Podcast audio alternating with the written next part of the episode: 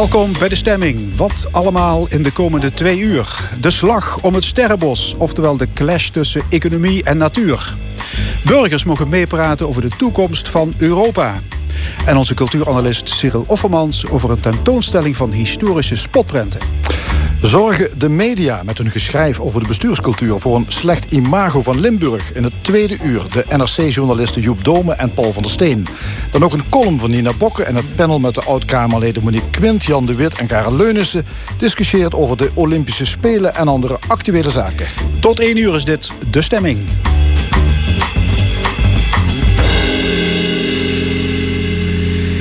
Voor veel mensen is Europa nog altijd een abstractie, een ver van mijn bedshow. Om de burgers meer bij de Europese Unie te betrekken, wordt een tal van Europese steden een burgertop gehouden. Zo ook in Maastricht. Vrijdag komen zo'n 200 willekeurige personen bij elkaar voor een serie praatsessies. En als daar concrete voorstellen uitrollen, dan gaan die naar het Europees Parlement. We gaan erover praten met Gonny Willems, directeur van Studio Europa Maastricht, en met Mathieu Segers, hoogleraar hedendaagse Europese geschiedenis. Welkom allebei. Uh, Gonny Willems, uh, ja, 200 mensen die komen dus uit heel Europa naar Maastricht. Wat zijn dat voor mensen? Uh, dat zijn mensen die willekeurig gekozen zijn, werd net al gezegd. Uh, ze komen uit iedere lidstaat, uh, uit alle lidstaten. En uh, ze hebben een speciale aandacht voor een groep jongeren. Dus minstens een derde van de burgers die ze selecteren, die zijn jonger dan 25, tussen de 16 en 25. Um, en daarnaast hebben ze gekeken naar verschillende sociaal-demografische afkomsten. Dus echt een, een heel gevarieerde groep aan Europese burgers. Ja, en die gaan aan de slag. Die gaan praten in, in het MEC in Maastricht. Klopt, ja. Historische grond, hè? Ja, ja. En um, die, ze hebben een bepaald onderdeel waar ze het over gaan hebben hier in Maastricht. Klopt, ja. Dus de conferentie is eigenlijk een proces van een klein jaar. Uh, een plenaire die in Straatsburg is geweest. En er zijn dus inderdaad burgerpanels in vier hoofdsteden. Dus het is eigenlijk best wel bijzonder dat Maastricht ertussen zit. Hè. Maastricht heeft natuurlijk een Europese geschiedenis... maar er zitten ook twee hoofdsteden tussen. Dublin eh, en Warschau. Daarnaast Florence en nu in Maastricht. En het onderwerp waar het in Maastricht over gaat, is uh, migratie. Dus toch wel een hangijzer. En ook de rol van de EU uh, op het wereldtoneel. Uh, dus daar gaan ze een heel weekend in, ja, op in, in, inzoomen met z'n allen. Ja, een behoorlijk gepolitiseerd onderwerp. Dus dat kan er hard aan toe gaan. Belooft wat. Ja, absoluut. Ja, ja. ja Mathieu Zegers. Ja, dat gebeurt zoals gezegd dus op, op de plek waar ook tijdens 30 jaar geleden het verdrag van Maastricht is gesloten. Althans, dit gebeurde in het MEC. Maar ja, goed, daar zaten toen de journalisten dit allemaal te volgen. Uh, is het bijzonder dat nu burgers gevraagd wordt om mee te denken over dat Europees beleid? Want toen waren het natuurlijk de staatshoofden, regeringsleiders. Ja, vaak zijn het politici, maar nu dus burgers. Uh, ja, ja en nee. Dus het, het, past een beetje in een trend. Sinds het verdrag van Maastricht is eigenlijk vastgesteld in uh, het Europa van de Europese integratie dat de afstand tot de burger vaak te groot is. Dat er te weinig uh, kennis, maar ook vooral beleving is van de betekenis die die Europese integratie toch in het dagelijks leven van iedereen heeft. Want we maken er allemaal onderdeel van uit. En er wordt best wel wat bepaald in Brussel, wat natuurlijk doorcijpelt naar het dagelijks leven van de gewone Europeaan, om het zo maar eens te zeggen.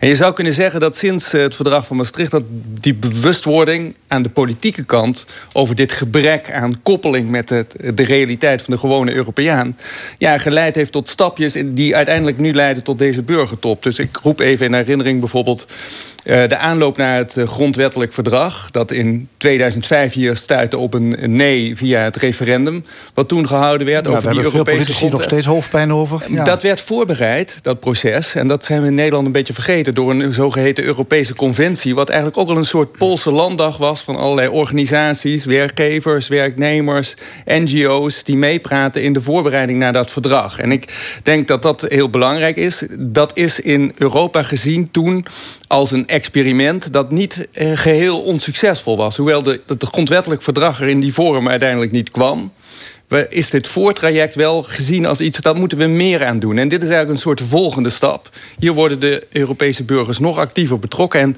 het laatste ding wat belangrijk is om te zeggen... dit is ook niet zonder betekenis, want in het Duitse regeerakkoord, maar ook in het Nederlandse regeerakkoord, staat letterlijk ja, die Europese conventie, die, die uh, Europese eh, conferentie over de toekomst van Europa, die nu gehouden wordt, die moet eigenlijk de opstap zijn naar een discussie over een mogelijk nieuw verdrag. Dus het gaat ook echt ergens over. Ja, ze moeten zich daar, ja, je kunt verwachten dat, politici daar, zich daar ook aan gaan houden. Althans, dat ze er op zijn minst serieus naar gaan luisteren. Precies, ja. zeker. Ja, Mara Luna van Dijk is een van de 200 Europeanen die deel nemen aan die burgertop in Maastricht. En uh, zij is nu aan de telefoon. Goedemorgen. Goedemorgen. Ja. U woont uh, in Utrecht, heb ik begrepen. En ja, een van die 200 gewone burgers. Hoe bent u eh, bij dat burgerforum terechtgekomen? Uh, ja, ik ben eigenlijk via, via benaderd. Uh, ze zochten nog uh, een jonge vrouw, tot 25 inderdaad, met een universitaire achtergrond. En er was een ander meisje uitgevallen en toen was ik benaderd omdat ik altijd best wel geïnteresseerd ben in de Europese politiek. Geïnteresseerd al in Europa, ook overtuigd Europeaan? Um, ik weet nog niet goed. Ik denk eigenlijk niet echt overtuigd Europeaan, maar ik ben wel best wel overtuigd van dat we de grote problemen van nu, weet je, klimaat, migratie en corona ook, um, ja, eigenlijk wel transnationaal moeten aanpakken. Uh, dat we als Nederland ook misschien niet echt sterk genoeg staan om dat echt alleen te doen. Um, dus ik ben daar wel van overtuigd, maar ik ben ook wel kritisch tegenover de EU. En ik heb wel het gevoel dat het eigenlijk nog niet zo sterk staat, zeg maar, als het kan staan. Um, en ook wel voor mijn generatie, denk ik. Dat het best wel inderdaad een ver van uh, mijn bedshow is. Ja, wat verwacht u van de top?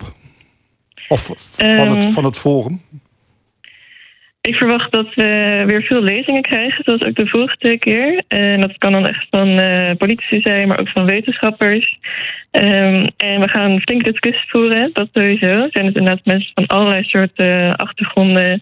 En ook met heel andere ideeën. Mijn thema is natuurlijk migratie. Dus voor mij is migratie weer heel anders dan als je met, uh, aan de Poolse grens bijvoorbeeld woont. Um, dus we hebben zowel plenaire dingen als uh, dingen in kleine groepjes. En ik hoop dat we dus dit weekend echt wat meer aanbevelingen kunnen gaan formuleren. Ja, u ontmoet daar 199 andere Europeanen. Het gaat dus over buitenlands beleid van Europa, migratie. Heeft u voor uzelf één idee waarvan u zegt van dat ga ik in elk geval inbrengen en dat, ja, dat zou het moeten halen? Ja, er is wel een idee wat ik graag zou willen verkennen met uh, andere burgers. Um, dat is dat aan de ene kant zie ik dat migranten zich vaak uh, vestigen in grote steden, zoals uh, Parijs of Londen. Um, en aan de andere kant zien we in Europa ook echt een grote vergrijzing en leegloop van juist veel kleine dorpen. En het lijkt wel interessant om te kijken hoe we die twee uh, kunnen verbinden. En misschien kunnen we nadenken over een andere soort verdeling van migranten over Europa als we eenmaal verblijfstatus hebben gekregen. Dat we dan uh, bijvoorbeeld kleine groepjes migranten in ja, juist dat soort kleine dorpjes uh, plaatsen, die, dat ze dan echt die economie weer een beetje kunnen aanstengelen. En ook veel lokaler kunnen samenwerken met uh, de bevolking. En ik hoop dat dan de twee groepen ook wel positief tegenover elkaar komen te staan. Ja, nou, interessante gedachtegang. Ja. Oké, ik wens u heel veel succes uh, volgende week dus uh, bij die burgertop, die Europese burgertop in het MEC hier in Maastricht. Dank u wel, Mara Luna van Dijk. Ja, Gonnie Willems, uh, het zijn dus voornamelijk burgers uit de EU. Ehm, ik denk, ehm, ja, je hoort hier iemand die zegt: ik ben wel kritisch, maar ook wel betrokken. Ik neem aan dat het toch meestal zijn dit mensen die bij zo'n burgertop terechtkomen, die de Europese Unie wel een warm hart toedragen. Zijn, zijn dit de federalisten bij uitstek? Uh, ze zijn willekeurig gekozen, dus daar gaat een heel proces aan vooraf. Dus uiteindelijk moet natuurlijk die burger ja zeggen. Dus daar zit een bepaalde de bias in, maar ze hebben heel zorgvuldig gekeken om dat zo goed mogelijk te doen, hè? om een intergenerationeel aspect erin te brengen. Verschillende afkomsten, verschillend opleidingsniveau, man, vrouw, et cetera. Dus er kan natuurlijk een bepaalde voorkeur in zitten als je ja zegt dat je het leuk vindt om hier aan mee te doen. Maar dat kan juist ook zo zijn als je heel uh, kritisch bent op Europa. Uh, dus ik denk dat we dat wel gaan terugzien volgende week. En je hoort het eigenlijk nu net ook al terug aan in, de, in de deelnemer die we net spraken. dus ik denk dat dat, dat, dat mee zal vallen. Ja, maar dit, dit klonk, klonk voor mij als constructief kritisch. Ja. Ja. ja, dan kom je ook ergens natuurlijk. En uh, ze zei ook van er komen veel lezingen, maar ik uh, heb het proces nu van dichtbij meegemaakt. Hè. Studie Europa Maastricht en samen met EIPA zijn wij betrokken bij de organisatie. Uh, de burgers worden heel goed afgeschermd uh, en dat is ook, ook heel belangrijk. Dus zij kunnen zelf beslissen welke experts van een voorgeselecteerde groep zij kunnen raadplegen. en daarnaast wordt echt het bestuurlijke en het politieke inmenging met speeches en dergelijke tot het absolute minimum gehouden. Dus dat is denk ik wel belangrijk om te noemen dat dat proces gewoon door de Europese instellingen heel strak bewaakt wordt. Ja.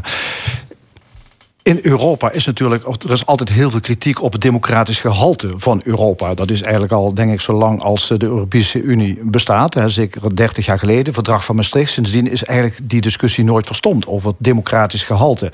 Um, is dat weg te nemen met zo'n burgerforum? Dat zo'n burgerforum kan zeker helpen. Maar ik denk dat het belangrijk is om even over die discussie van die, dat democratisch tekort te praten. Want in feite is dat democratisch tekort er niet. Institutioneel is die democratische legitimiteit heel goed geregeld, zou je kunnen zeggen, in de Europese integratie. Maar er is wel een cruciaal, cruciaal aspect in die uh, regelingen. En dat is namelijk dat de Europese Unie, anders dan veel mensen denken, is nog steeds een samenwerkingsproject van lidstaten die lidstaten willen zelf samenwerken. En uh, mevrouw aan de telefoon zei denk net heel goed... een aantal van de grote uitdagingen, klimaat, migratie... maar ook de opstelling van Europa in de wereld. Ja, dan krijg je als Nederland alleen of als België alleen niet zoveel voor elkaar. En dat kun je veel beter in dat, die gezamenlijkheid doen. Het is wel heel erg belangrijk dat die lidstaten zelf ook de verantwoordelijkheid nemen. Dan heb ik over de regeringen van de lidstaten... om in hun eigen democratie deze realiteit regelmatig aan de orde te stellen. Om een completer verhaal te houden over wat die nationale belangen nou behelzen. Uh, en waarom het zo belangrijk is om die voor een groot gedeelte in Europees verband verder te bevorderen. Dat gebeurt heel vaak niet. Dus wat je dan krijgt is dat nationale politici, regeringsleiders, ministers in Brussel onderhandelen. Maar maar een heel klein beetje van wat ze daar besproken hebben terugbrengen naar hun eigen parlement. En dan krijg je natuurlijk in de nationale democratie een aversiereactie. Dat men zegt, ja, wij weten niet alles. Kunt u niet wat meer vertellen? En dan komt heel vaak toch uh, het uh, schabloon op tafel van Europa als degene die ons onder druk zet. Een zondebok voor allerlei dingen die moeten gebeuren die men nationaal niet wil. En ik denk dat daar dus een hele belangrijke verantwoordelijkheid ligt voor de nationale politiek. Want dat is eigenlijk de, de, de basis onder de democratische legitimiteit van de Europese Unie. Om dat Europese gedeelte, die Europese dimensie, veel completer in beeld te brengen in die nationale democratische arena. Zo betrek je de nationale democratie erbij. En dan is dat democratisch tekort meteen veel kleiner. Het gaat natuurlijk ook veel om beeldvorming, dus over een het gaat, het, het wordt veel, veel, veel, al veel te simpel voorgesteld voor of tegen Europa. Nee, we zijn onderdeel namens de regering van ons land. Die hebben zelf die verdragen ondertekend van dit project. En daar moeten we gewoon meer van weten. Ja, die burgertop is dus een poging om burgers meer te betrekken bij het, uh, ja, het project Europa. Frankrijk is op dit moment EU-voorzitter. En president Macron die organiseerde in zijn eigen land in 2019 als een landelijke burgerconventie. Dat was toen een reactie op die protesten van die gele hesjes. En hij dacht, ik ga het anders aanpakken. Ik ga met die burgers in gesprek. Hebben de Fransen daar iets aan gehad? Hebben ze, ja, heeft, het, heeft het iets uitgehaald? Nou, dit is een experiment, hè? dus dit is een nieuwe vorm van democratie. En ik denk dat het daarom heel belangrijk is. Ik wil jullie ook bedanken dat jullie daar aandacht aan besteden. Want het is, omdat het nieuw is, ook moeilijk om dit goed als media, zal ik maar zeggen, naar een breder publiek te vertalen. Dat geldt ook voor de politiek. Dus Macron heeft dat geprobeerd, maar achteraf is heel vaak gezegd: ja, je hebt dat geprobeerd als een extra democratische schaamlab voor dingen die je toch al wilde doen. dus daar is kritiek op gekomen. Aan de andere kant is er ook veel waardering voor gekomen dat hij gedurfd heeft om dat democratische proces wat anders te gaan inrichten, wat misschien meer bij deze tijd past. En ik denk dat dat heel belangrijk is. He. Dit is een experiment. Het is iets wat nooit eh, vertoond is op deze schaal in de internationale politiek, waar dan ook ter wereld. En het is dus ook iets wat, waar allerlei dingen in fout gaan. Waar je dus, omdat het zo nieuw is, ook echt van moet leren. En dat is ook een intentie van dit proces. En daarom is het wel belangrijk om daar aandacht voor te hebben. Ja, veel mensen zullen ook cynisch zijn. Hè? Die zeggen, ja. er wordt weer gepraat. Het is een, een, conventie die een jaar duurt. Een burger, vier burgerfora daarin. En uiteindelijk komt er natuurlijk een prachtig stuk uit. Dat komt terecht bij de Europese Europese Commissie, de Europese Raad, bij, de, bij het Europees Parlement. En inderdaad, regeringen besluiten van we moeten er iets mee.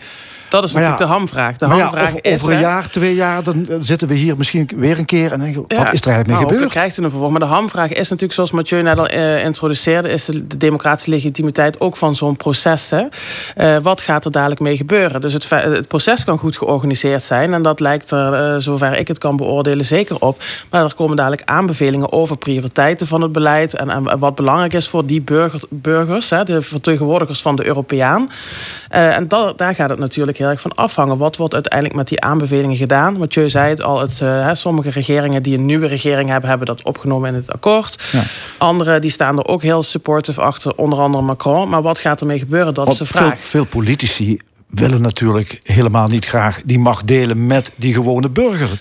Ja, uiteindelijk gaat het ook erover wat gaat de lidstaat ermee doen. Uiteindelijk is het natuurlijk alsnog aan de lidstaat uh, en de lidstaten om daar iets mee te doen de, ja, terwijl het, het, gaat, toch richting Europa. Hè? Het gaat toch richting het Europees Parlement, de Raad, ja, de ja, zeker. maar dat, ik, ik, denk, kijk, wat we vaak zien is... het lijkt net alsof landen tegenover de Europese Unie staan. Dat is niet zo. De, de, die landen, die dragen de Europese Unie. Die besluiten iedere keer zelf om daar opnieuw in te investeren. En dat is ook heel rationeel als je het hebt over de uitdagingen van vandaag de dag.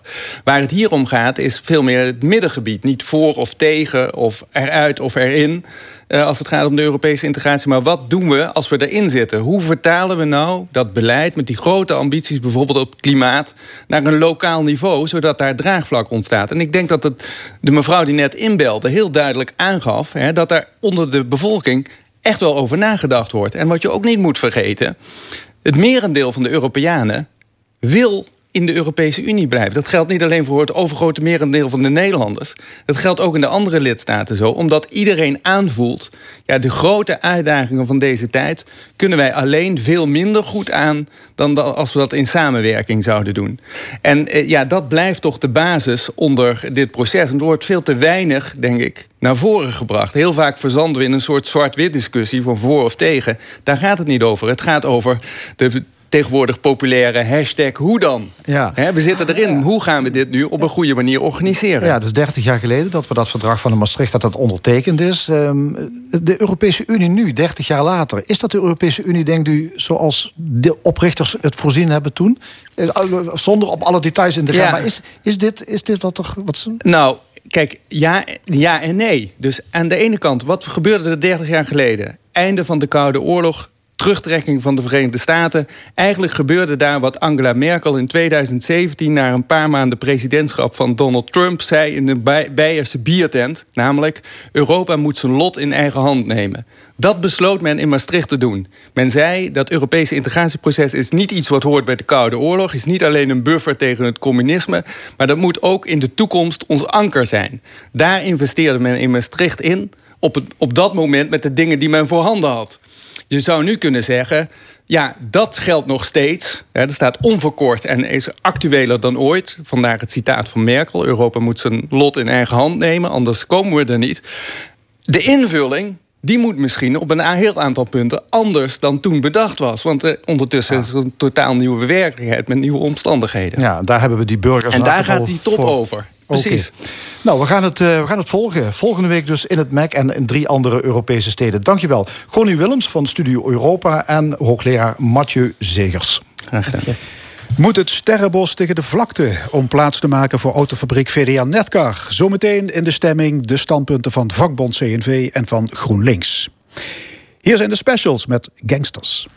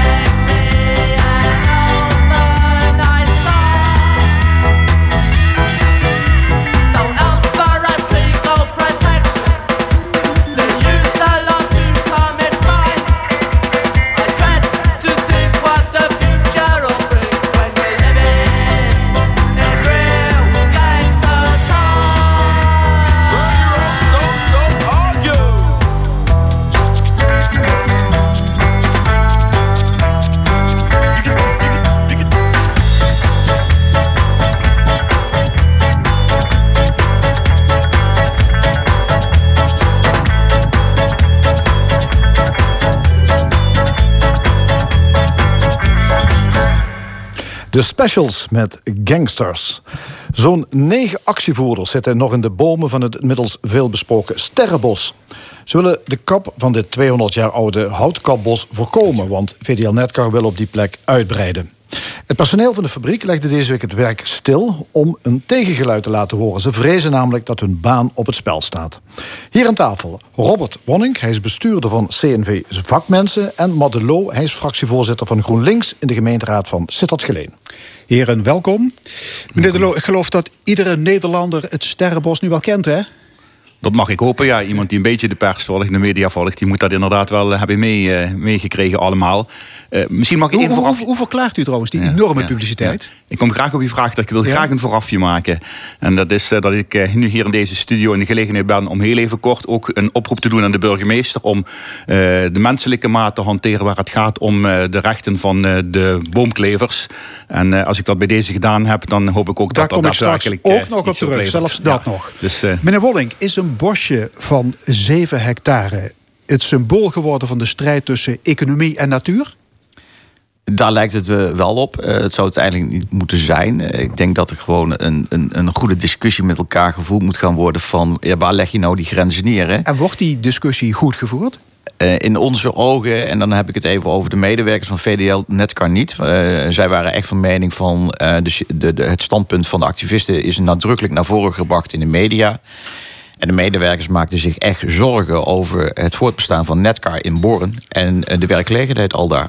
Meneer De Loo, u woont in Sittard. Bent u wel eens naar het Sterrenbosje geweest? Jazeker, ik woon in Born, dus ik woon er redelijk kort bij. Ja. Ja. Oh, maar ik heb begrepen dat er zijn helemaal geen wandelpaadjes. Dat bos is helemaal dichtgegroeid met bomen en struiken. Ja. u kunt er wel eens ja, dan legt u het accent op recreatie. Maar ik denk dat we hier te maken hebben met een uniek bos... waarin fauna en flora uh, van bijzondere kwaliteit oh, aanwezig is. een kapmes mee en dan uh, baant u zich een weg. Uh, daar zou u mij niet voor in staat achter, denk ik. Waarom bent u voor behoud van het bos? Uh, zoals gezegd, het gaat om een 200 jaar uh, oer, uh, oerbos. en, en dat alleen al is, is iets wat je niet zomaar 1, 2, 3 kunt vervangen. En tegelijkertijd, ik heb net op gewezen, is er unieke flora en fauna aanwezig. En ik denk dat we anno 2022 ons steeds meer moeten realiseren dat hoe meer we daarvan inleveren, hoe meer dat we afbreuk doen aan het voorbestaan van deze aarde. Meneer Wollink, uh, VDL Netcar wil uitbreiden. Dat is nodig om een belangrijke nieuwe opdrachtgever binnen te halen. Dat is wel de, de boodschap die wij krijgen als uh, vakbonden uh, binnen VDL Netcar. Ja, want er zijn besprekingen gaande met het Amerikaanse bedrijf Rivian, producent van elektrische auto's. Ja, de naam wordt nooit genoemd in de gesprekken die wij met de directie van Netcar hebben. Ze hebben het altijd over de potentiële klant. Deze naam die circuleert in de media. Ja, maar deze klant stelt als voorwaarde dat er een nieuwe productielijn moet komen. Er moet een uh, nieuwe productielijn komen. Um, en dat heeft ook een beetje te maken met het feit dat de bouw van elektrische auto's niet over de bestaande productielijn kan, uh, waar nu de auto's met fossiele brandstoffen gebouwd worden. Dus er zal sowieso een nieuwe lijn moeten komen. Ja, en waarom vindt u dat het Sterrenbos opgeofferd kan worden?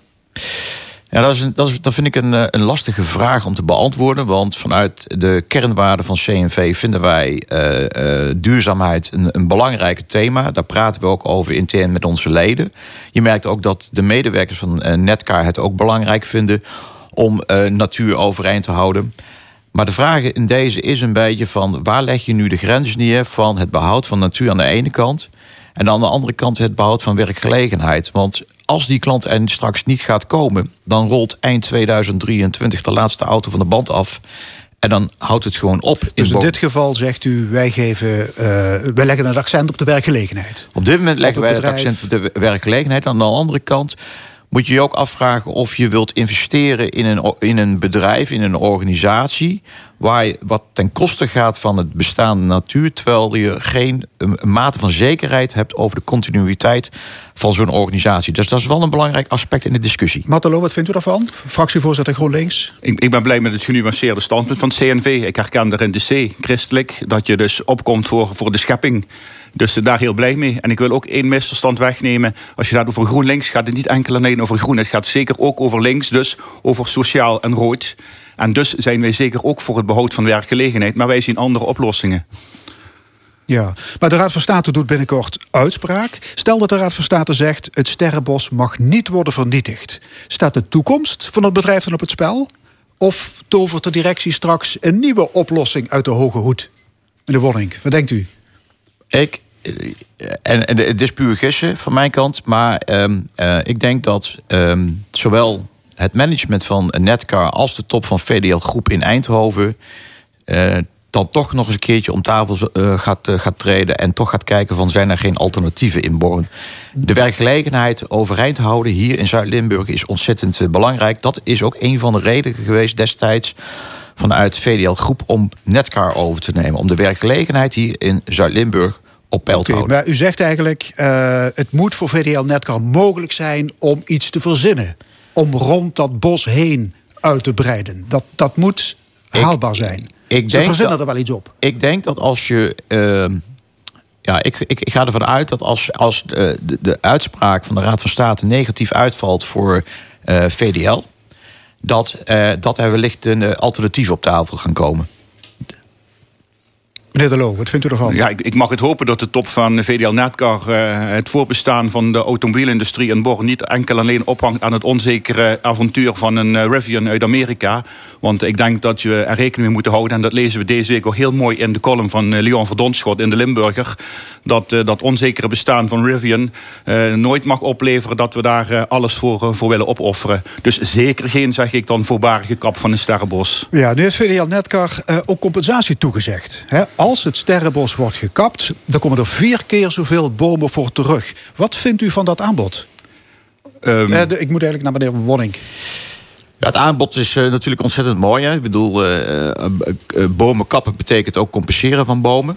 En als je er meer doet dan wat wettelijk is toegestaan, is dat alleen mooi meegenomen. Alleen je moet je de vraag stellen of de functionaliteit van jonge bomen net zo opwegen tegen wat oudere bomen de functionaliteit ja, van jonge de bomen. leefbaarheid. Hè. We, hebben, we hebben gewoon groen nodig om te ja. kunnen leven. Uh, en een, een, een, nieuw bos heeft gewoon even tijd nodig. Ja, klopt. Want ik las gisteren in de Limburger een, een, een verhaal van een hoogleraar bosecologie. En die zegt: het duurt tientallen, misschien wel honderden jaren. voordat die oude boomsoorten zijn volgroeid. Ik zeg het in mijn eigen, mijn eigen woorden. Ja, dus dat is, dat is dus u, heeft niet, u heeft ja. ook niet zoveel op met die compensatie? Nou, dat is dus precies de reden waarom je eh, met die compensatie eigenlijk eh, on onvoldoende recht doet aan het probleem waar we voor staan met z'n allen. Als je dat bos opoffert en er komen wat boomsprietjes voor terug, dat heeft inderdaad heel wat tijd nodig om tot die wasdom te komen en weer die rijke flora en fauna terug te brengen. Ja, deze week heeft het personeel uh, een werkonderbreking gehouden. Hè. Men is bang dus dat de bezetting schadelijk is voor de onderhandelingen met Rivian. Um, ja, hoe, hoe denkt u erover, meneer Wonning van CNV Vakmensen? Hoe, Wat- al, hoe alarmerend is dat? Nou, het, ik vond het best wel alarmerend, want eh, deze actie is binnen 24 uur opgezet. Eh, ik werd maandagochtend werd ik geïnformeerd over de onrust onder medewerkers. En dat ze het echt tijd vonden dat ook hun geluid naar voren werd gebracht. Onder de aandacht kwam ook in de media. En binnen 24 uur hebben wij die demonstratie of die actie bij eh, VDL Netcar op, op poten gezet. Eh, ik maak me wel zorgen, want die mensen zijn echt ongerust. En vergeet niet, deze mensen zitten al in een, in een lange periode van onwetendheid, onrust. Want sinds het bekend worden dat het contract van BMW eind 2023 eindigt, eh, eindigt is er geen nieuwe klant op dit moment. Iemand die al 37 jaar werkt bij de fabriek, die zegt... de mensen die in de bomen hangen, hebben geen idee wat ze met hun actie kapot maken. Die paar activisten verzieken het voor duizenden gezinnen. Matalo. Ja, dat is de tegenstelling die vaak wordt opgeroepen. En ik denk dat geen enkele eh, boomklever op dit moment de bedoeling heeft om iemand mond uit de brood te, eh, of, of brood uit de mond weg te Ja, halen. het kan wel de consequentie zijn. Als nou, het allemaal helemaal misloopt. Dat, dat zou zo kunnen zijn als we op dit moment te maken zouden hebben met een arbeidsmarkt die weinig nieuwe kansen biedt. Maar laten we vooropstellen dat we hopen dat Netcar op een Wat, eerlijke wat manier bedoelt u met verder... die arbeidsmarkt die nieuwe Nou, we hebben, we hebben giga veel arbeidskrachten te weinig. Dus met andere woorden... Dus mensen kunnen ander werk gaan zoeken. Met ander werk ligt, ligt voor de hand. Dat was misschien eh, een jaar of twintig geleden nog niet het argument. Toen moest je werkgelegenheid eh, primair stellen.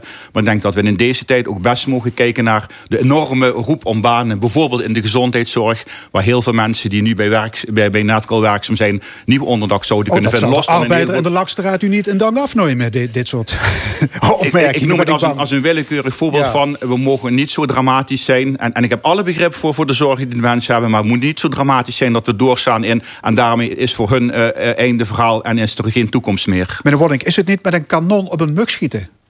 Ik bedoel, collectief het werk neerleggen omdat een paar milieuactivisten in een boom hangen. Ja, als je, als je het vanuit dat perspectief kijkt, zou je het misschien wel zo kunnen stellen. Uh, het was puur en uh, wat er dinsdagmiddag gebeurde, was puur en feit alleen maar even vanuit medewerkers van Netcar om te laten zien en te laten horen dat ook Ehm, een medaille heeft twee kanten. En de, kant, de ene kant is het behoud van natuur. De andere kant is de werkgelegenheid. En we hebben het hier wel over een bedrijf waar ruim 4000 eh, gezinnen eh, van afhankelijk zijn. Maar wat, wat, waar zijn die mensen zo bang voor, voor die paar actievoerders in dat bos? Wat denken ze wat dat dan teweeg kan brengen? Ik denk dat de grootste angst uh, waar zij nu mee zitten is... ze zijn uh, eind vorig jaar geïnformeerd door hun eigen management... dat de gesprekken met de potentiële klant in een vergevorderd stadium uh, bevonden. dat er goed nieuws wellicht aan de horizon floreert. Dus je merkt in alles dat op de werkvloer men heel veel verwacht van de deal die waarschijnlijk VDL-groep eh, binnenkort bekend zal ja, gaan maken. Bovendien, in die nieuwe fabriekspanden worden straks elektrische auto's gemaakt. Dat moet u als GroenLinks aanspreken. Zeker, zeker, spreekt ons dat aan. Uh, en, als er dan iets gebeurt, laat het dan vooral dat soort dingen zijn die ook iets met duurzaamheid te maken hebben. Maar laat ik er ook bij zeggen dat al die mensen die nu bang zijn dat die fabriek geen doorstart kan maken, dat die zich ook moeten realiseren dat uh, die Amerikaan straks zodanige eisen zal stellen dat we wellicht in een situatie terechtkomen, hè, technologie schrijdt voort, dat je straks heel veel robots in die fabriek hebt staan en die zijn ook arbeidsvervangend. Dan staan de mensen alsnog met lege handen. Dus dat is ook een zorg die ik met die mensen heb. Dus ik zou graag ook open visie we hebben voor alle kansen die de arbeidsmarkt biedt. Er is deze week een open brief opgesteld, ondertekend door zo'n 88 milieuorganisaties. En daarin wordt gezegd dat het ongewenst is om nog meer auto's te produceren. Dan moeten miljarden naar beter openbaar vervoer. Met andere woorden, de auto-industrie is een doodlopende weg, om maar eens een beeldspraak te blijven als de, de auto's zouden blijven draaien op fossiele brandstoffen, denk ik was een doodlopende weg. Ik denk dat er nieuwe kansen liggen met elektriciteit en met, uh, met waterstof te zijn tijd. En dat we allemaal uh, flexibel willen zijn en mobiliteit een, een item blijft. En laat ik ook meteen eerlijk zeggen dat GroenLinks altijd uh, voorstander is van een goed geoutilleerd wegennet en een goed infrastructuur voor openbaar vervoer. Oké, goed. Uh, in die brief wordt geklaagd over de behandeling van de demonstranten. Die begon er straks al over. Noodverordening, geen eten en drinken, grote politiemacht. Het bos is met ijzeren hekken afgezet. S'nachts is keiharde muziek afgespeeld. Er zijn arrestaties verricht, gisteren opnieuw. Zijn hier grondrechten met voeten getreden? Ja, dat is zeker een, een, serieus aspect waar we bij moeten stilstaan. Het is ook niet voor niks geweest dat, uh, dat ik uh, een week geleden een uh, indringende brief heb verstuurd aan het college van BNW van Sittert Geleen om aandacht te vragen voor het demonstratierecht en ook om vraagtekens te zetten bij de proportionaliteit en de subsidiariteit van de inzet die gepleegd is. En om die dure woorden even te vervangen in normaal Nederlands. Proportionaliteit, dat heeft te maken met of de inzet van zoveel capaciteit wel nodig was om dat handjevol mensen tegen te houden aan de ene kant en subsidiariteit. Of je zware middelen moet inzetten als er misschien ook alternatieve wegen te bewandelen zijn. Oké, en dan spreekt u vooral burgemeester uh, Verheijen op aan. Daar heb van ik uh, burgemeester Verheijen op aangesproken. En, en daar hebben we ook een, een, redelijk antwoord op gekregen. En ik ben blij met de uitzending van afgelopen donderdag in de studio van L1. Dat Hans Verheijen uh, daar heel erg duidelijk ook zijn menselijke gezicht liet zien. En alles in het werk zal willen stellen. En dat hebben we volgens mij ook gezien toen de voedselvoorziening en de, de watervoorziening. En gisteravond geloof ik is er ook nog een powerbank geleverd. Dat dus alles in het werk wordt gesteld om toch ook in de erbarmelijke omstandigheden waar de, de boomklevers op dit moment in zitten, dat er toch gezorgd wordt voor ja, het respecteren van mensenrechten. En, en ik, ik, ik reken erop en ik vertrouw ook Hans Verheijen erop dat hij zich daarvoor maximaal inzet. Ja, afrondend staan nu 4200 arbeidsplaatsen op het spel. Meneer Wonning, CNV-vakmensen. Of dreigt weer een stuk natuur het onderspit te delven? Wat denkt u? Uh, dat is een uh, goede vraag. Mijn, mijn onderbuikgevoel zegt dat, uh, dat, de dat de Raad van State een positieve uitspraak zal doen voor richting uh, VDL Netcar. Dat is wel mijn onderbuikgevoel dat de, de, de economische belangen die hier op spel staan zodanig groot zijn. Dat die afweging die de, die wijze heren daar in Den Haag moeten doen. En dan, in dat geval, wordt het sterrenbos grotendeels gekapt. Ja. Maar de vraag is of de boomklevers, zoals u ze noemt, vrijwillig zullen vertrekken. Uh, ik denk dat zij zich maximaal zullen inspannen om uh, uh, het tot 1 maart vol te houden. Ongeacht de uitspraak van de Raad van State. Omdat, ja, 1 maart is belangrijk, want... Want dan start het seizoen waarin bomenkap niet meer is toegestaan. Dan gaan de vogels zich daar nestelen. Dan gaat, gaat de, vanuit de natuurwet gaat daar de boel op slot. Dus dan kan dus de uitspraak van de Raad van State überhaupt niet worden geïmplementeerd? Dan, dan, dan, zou er inderdaad nee, niets meer kunnen gebeuren. Nee. Oké. Is dit ook een strijd om de gunst van de publieke opinie? Nou, dan kijkt u de politiek aan en dan lijkt het vlak voor verkiezingen misschien een, een goedkope verkiezingsstunt. Dat is het alles behalve. Het is hier opkomen en, en de, de, de mensen die in de bomen zitten op dit moment, die geven daar een stem aan. Het is dat we een omslag maken en denken dat we alles ondergeschikt moeten maken aan economie en werkgelegenheid. En dat we vooral op zoek moeten gaan hoe kunnen we deze aarde leefbaar houden voor volgende generaties. Ik vind het belangrijk dat we met, elkaar in gesprek blijven. Dit is een uh, lastig uh, dilemma je zal maar voor uh, het dilemma staan om een keuze daarin te maken. Maar we moeten in gezamenlijkheid moeten we dit, uh, dit oppakken.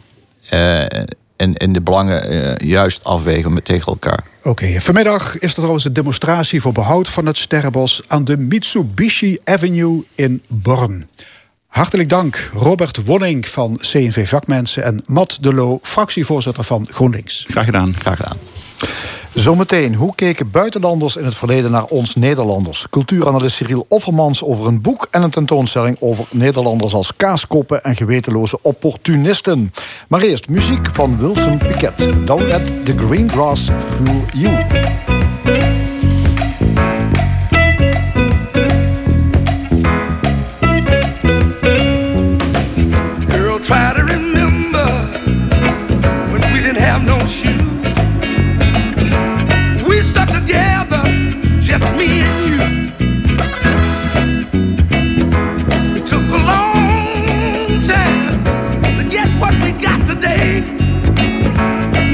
give it all up for another guy. Baby, I'm telling you, don't let fool. Don't let it change your mind. It's gonna be hard for me, baby, to build my life all baby, you got the love.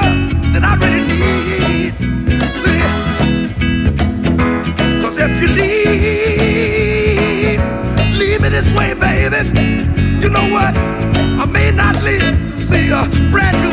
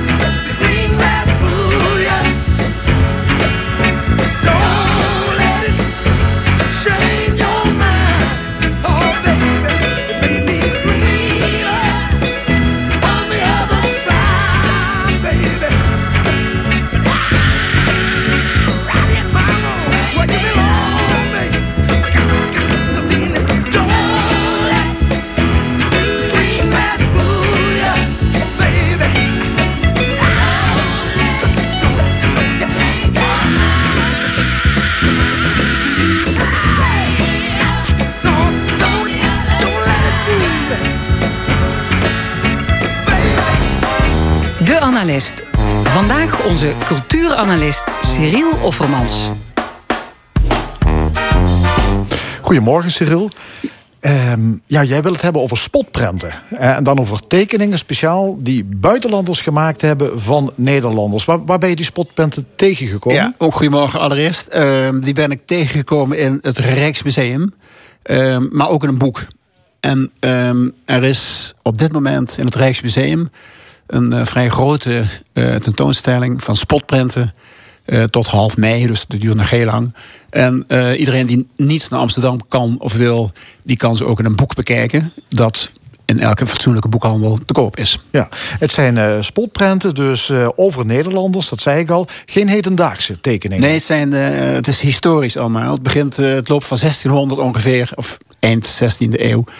Uh, tot eind 19e eeuw. Ja, en, dan hoe, en dat zijn dan buitenlanders die kijken naar Nederlanders. Exact. Uit, uit welke landen komen de tekeningen? Nou, zo ongeveer alle West-Europese landen. Uh, vooral Engeland. Natuurlijk ook omdat daar misschien wel de beste tekenaars zaten... die daar het meest mee geëngageerd waren. En ook natuurlijk omdat die uh, vaak te doen hadden in historisch opzicht met Nederland. Hè. Vlootoorlogen, sowieso allerlei oorlogen. Ehm, Frankrijk, uh, maar ook aan het eind van het boek een paar hoofdstukken over Japan.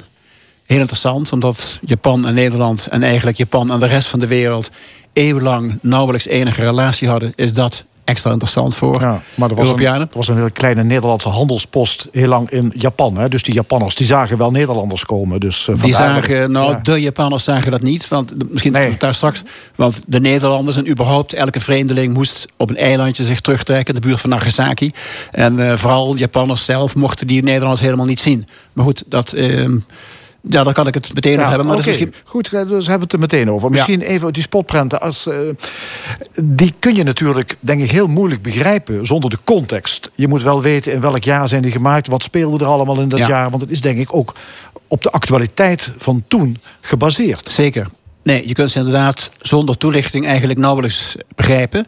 Je kunt er wel in met meer een esthetisch opzicht van genieten. En er zijn ook wel een aantal tekeningen waarvan je in elk geval bepaalde aspecten zonder meer begrijpt. Ik zal maar zeggen, als er een uh, dikke Hollandse koe flink begint te schijten op een als een Engelsman uitziend figuur, nou dan weet je wel ongeveer wat dat betekent. Maar de meeste tekeningen heb je inderdaad, daar heb je context bij nodig. En uh, die wordt in het museum, maar vooral ook in het boek, heel uitgebreid en toch ook heel toegankelijk, moet ik zeggen, gegeven. En wel op een zodanige manier dat. Um, uh, vele stukken in dat boek zijn volgens mij heel goed bruikbaar voor een geschiedenisles. Om er een hele uh, aantrekkelijk ogende en ook heel geestige les van te maken. Want die spotprenten zijn natuurlijk vooral ook vaak heel leuk. Um, het, uh, zijn inderdaad, je hebt, die, je hebt die uitleg wel nodig. Omdat, je, omdat die meeste tekeningen, vooral die oudere tekeningen, die uh, bevatten, dat zijn allegorieën. Dus die zijn, uh, daar moet je van weten wat uh, wat een bepaalde metafoor betekent.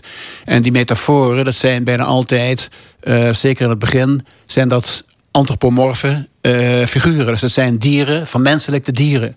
En nu is dat voor bijvoorbeeld voor een koe, is het al vrij gauw duidelijk dat dat in een meer internationale context moet staan voor een Hollander. Maar andere figuren zijn minder makkelijk te interpreteren. Dat moet je dan weten.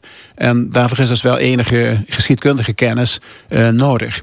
En die wordt in het boek uh, uitgebreid gegeven. En ook, uh, ook van mensen die nog niet, of die wel al redelijk op de hoogte zijn van de nationale geschiedenis, bevat het boek op die, om die reden ook heel veel interessante ja, kanten, zou ik maar zeggen. Ja, um, Nederlanders zien zichzelf graag als tolerant, uh, recht door zee, ondernemend. Dat zijn zo wat, wat uh, van die clichés. Uh, die stereotypen die er in het buitenland leefden over Nederlanders, ja. komen die daar enigszins mee overeen? Ten dele wel, maar het begint, uh, je zou eigenlijk, daar begint het boek ook mee. Je begint eigenlijk al in, aan het eind van de 16e eeuw, toen Nederland voor het eerst zich op het internationale toneel, zou je kunnen zeggen, bewoog. toen bestonden er al vrij lang uh, stereotype beelden van wat de Hollanders een beetje was. En die gaan eigenlijk al terug op de oudste geschiedschrijvingen die er überhaupt zijn van Nederland. Uh, dus van uh, de Romeinse geschiedschrijver Tacitus, eind eerste eeuw. Die over Germania het een en ander geschreven heeft. En die zich eigenlijk amper kon voorstellen dat in die zompige gebieden ten noorden van de Rijn, dat daar überhaupt konden wonen. Ja, dus de, dat moerasgebied bij de Hollandse, bij die rivierendelta, uh, in wat wij nu Noord-Zuid-Holland, uh, Zeeland, uh, Friesland noemen, dat, dat was onbegrijpelijk voor de meeste buitenlanders dat daar mensen konden wonen. Dus dat moesten wel hele coole mensen zijn die bestand waren tegen klimatologische omstandigheden waar je een normaal mens niet aan zou willen blootstellen. En al heel gauw um, ontstond, zeker aan het eind van de 16e eeuw, bestonden allerlei beelden die te maken hadden met het idee dat Hollanders wel kikkers moesten zijn. Als je het daar volhield, dan moest je een kikker zijn. En dat werd natuurlijk heel snel ook in positieve zin overgenomen. Een klein trots kikkerlandje. Uh, coole kikkers. Mensen die niet gewoon bang waren, die alles durfden, die ook snel uh, zich in andere moeilijke omstandigheden konden aanpassen aan die daar heersende omstandigheden. En dat was natuurlijk wat Hollanders ook al heel groot deden. En dat was ook de reden dat in het buitenland Hollanders ook al snel met een, ja, met een, met een mengsel van bewondering en afschuw bekeken werden.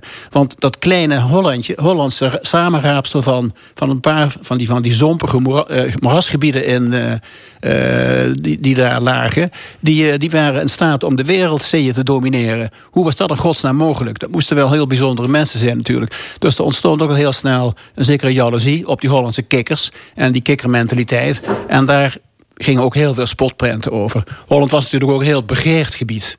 Dus uh, op het moment dat wij, uh, wij tussen aanleidingstekens, zo sterk waren dat we de wereldzeeën domineerden, uh, was het ook zo dat de grotere mogendheden, althans in, in, uh, in, in, termen van oppervlakte en dergelijke, uh, dat die hun oog lieten vallen op Holland en dat graag naar zich toe wilden trekken. He, dus ja. vandaar dat ook de Spanjaarden en natuurlijk ook de Britten en de, nou ja, noem maar op, die allemaal wel een oogje op die Hollanders lieten vallen. Ja, aanvankelijk was er dus ook al was er sprake van enige bewondering. Ik zie toch ook een aantal spotprenten die je op de website kunt vinden, dat daar sprake is van toch ook wel ja, negatief beeldvorming. Ja, zeker, zeker. Dus zeker, het slaat zeker. op een gegeven moment ook wel om. Ja, zeker. Nee, dus, en het gaat samen. Hè. Dus uh, de bewondering slaat natuurlijk al heel gauw, of gaat heel gauw samen met afkeer. En afkeer is ook vaak een, uh, een, een, product van, uh, ja, van, van van, moet ik zeggen, van jaloezie, zou je kunnen zeggen. Uh, een poging iemand te kleineren en daardoor ja, jezelf weer een beetje meer op de eerste plaats van, de, van het wereldgebeuren te, te situeren. Uh, nee, maar goed, het is inderdaad zo dat heel veel beelden die stellen Hollanders voor als lomperikken, botterikken, onbeschofte figuren. Ze zijn ook altijd onwaarschijnlijk vet. Ze leiden werkelijk per stuk aan obesitas van je welste. Uh, het zijn ook altijd pijprokers. Onbeschofte types die onder het eten nog met een pijp in de bek zitten. Uh, ze, laten hun, uh, ze doen ook altijd hun gevoeg op de meest onsmakelijke plekken, zou je kunnen zeggen. Dus er is allerlei, er is, er is allerlei agressie zit er in die beelden. Waarin de Hollanders als lomperikken worden voorgesteld. En dat komt natuurlijk zeker ook in contrast met de oververfijnde Fransen en de buitengewoon beschaafde Britten, komt dat vaak in, in, in duo-beelden, die in, naast elkaar staan, dus bij elkaar behorende beelden, komt, wordt dat vaak heel mooi tot uitdrukking gebracht. Um, en horen ik, wat nu Limburg is ook al bij Holland? Nee, toen niet. Hè, gelukkig dan. Je had, je, had, uh, je had toen de. Nee, nee Limburg hoort dus, zoals je weet, pas vanaf halverwege de 19e eeuw zo'n beetje bij. Ja, dus die hele en, beeldvorming slaat totaal niet op ons. Dat is wel een. Uh, nou ja, ons, ons, ons. Ik zou me niet zo onmiddellijk totaal willen, willen identificeren. Je bent toch een Limburger, Cyril, of niet? Ja, maar ik ben even goed een Nederlander of, of weet ik veel wat allemaal niet. Dus uh, nee, maar zo een eens. Ik hoop dat, ik hoop dat het jullie jongens ook niet zo'n eenzijdige identificatie erop nahouden. Je moest het weten, man. nee, maar goed. Het, uh, Beroepsdeformatie is Ja, dat, dat krijg je natuurlijk automatisch. Maar dat is ook bijna onvermijdelijk als je hier achter de microfoon zit, denk ik. Maar goed, uh, ik wil toch nog graag even wijzen op, op bijvoorbeeld een paar tekeningen die, die ik representatief vind voor uh, heel veel tekeningen. Er is een tekening op een gegeven moment, die heet, is een Brit, door een Brit gemaakt, hè? Uh, Thomas Rowlandson, een van de bekendste Britse cartoonisten, rond 1800. En die tekening heet Dutch Academy. Dat stelt een Nederlandse, uh, een Nederlands atelier voor, waarin leerlingschilders een naakt, een naakt figuur, een naakt model uh, moeten tekenen en schilderen. Er is een, uh, een, een, een tweeluik, zou je kunnen zeggen. Want an, an, er is een, een andere voorstelling door diezelfde man gemaakt. En die stelt een Engelse academie voor. En die twee moet je natuurlijk naast elkaar zien. Hoewel ze niet als tweeluik zijn gemaakt, moet je ze eigenlijk wel naast elkaar zien. En dan zie je op het, uh, op het linkerbeeld, waar de Hollandse academie wordt voorgesteld, zie je pijprokende, dikke, nauwelijks geïnteresseerde types hangend over stoelen in een soort schuurachtige omgeving tegen een hele lompe, dikke vrouw die wijdbeens met haar benen, dus met haar benen uit elkaar, onbeschaamd op een stoel zit. Uh, en daarnaast die Engelse academie zie je allemaal keurige Engelse studenten met uh, pruiken. Die zitten, allemaal, zitten allemaal netjes gedisciplineerd in de collegebanken. En dan zie je een hele elegante dame uh, gemodelleerd naar het beeld van, laat ik maar zeggen, de, de schilders, uh, schilders als Gainsborough, die in die tijd heel populair waren. Ehm, die zie je daar, ehm, de showsteden zou je kunnen zeggen. Dus daar zie je gratie, verfijning tegenover botheid, boerenlompheid, onbeschoftheid. Maar het aardige is dat je als je nu twee eeuwen of uh, drie eeuwen zo ongeveer nee, toch twee, twee eeuwen later, later, later naar die tekeningen kijkt, dan zou je ook kunnen denken dat het, uh, dat het een Hollandse maker is geweest die dat gemaakt heeft. Want eigenlijk zijn die Britse studentjes, dat zijn ook maar kak, kakfiguurtjes als je die bekijkt. En dan maken die Hollandse lomperikken, dat zou je ook een vorm van informeel gedrag kunnen noemen, die wij juist heel prettig vinden. En dan verandert een spotprint uh, eigenlijk precies van betekenis als je ze vanuit een later perspectief en vanuit een iets andere blik bekijkt. En dat vind ik een van de interessante uh, aspecten van dat hele boek en van die hele tentoonstelling. Ja, spotprenten, het zijn stereotypen, maar er zit natuurlijk vaak ook toch een vorm van waarheid in. Er zit een vorm van waarheid in, ongetwijfeld. Dus dat Nederlanders informeler zijn dan Britten, ja, dat is natuurlijk duidelijk. En dat we iets minder ja. gratie op de dag leggen tijdens de, e- tijdens, de, e- tijdens de maaltijden en de diners dan de Fransen, ja, dat is ook duidelijk. Ja, het is een uh, tentoonstelling en een boek dus. De tentoonstelling in het Rijksmuseum. En de titel van het boek is overigens Kikkers en Kaaskoppen. Zo is het. Ja. Tot slot, uh, Cyril, je hebt nog een cultuurtip meegenomen. Ja, um, er is natuurlijk nog niet zo heel veel te zien. Tenminste, niet veel nieuws. Um, maar ik ga zelf volgende week uh, dinsdag naar een concert van uh, Karel Kraaienhof in Sittard. Um, die speelt met zijn kwartet alleen maar Piazzolla. En um, daar zijn misschien nog wel plaatsen voor te krijgen, ja, denk de, ik. De bekende banddeel Dat is de, ja, ja, ja, ja, We kennen hem van uh, het huwelijk van Willem en Maxima Iedereen moet hem kennen van de beroemde traan. Die toen heel kunstmatig opgewekt is. Was iedereen inmiddels wel zal weten. Ja, jij wordt geraakt door Piazzolla. Piazzolla, ja, ja, ja natuurlijk. Ja, zeker. Ja. Volgende week dus uh, te zien hier in Limburg. Maastricht en Sittard. Ja. Volgens mij, hè? Oké, okay, ja. In ieder geval Sittard. Maastricht weet ik niet zeker. Oké, okay, Sittard. Daar schrijven we op. Dankjewel, Cyril. Oké, okay, graag gedaan. Straks in de stemming de NRC-journalisten Joep Dome en Paul van der Steen reageren op de forse kritiek van de onderzoekscommissie Bestuurscultuur. Hebben de media het imago van Limburg bezoedeld? Verder een column, het discussiepanel over opvallende actualiteiten en nog veel meer. Blijft u luisteren. Tot zometeen.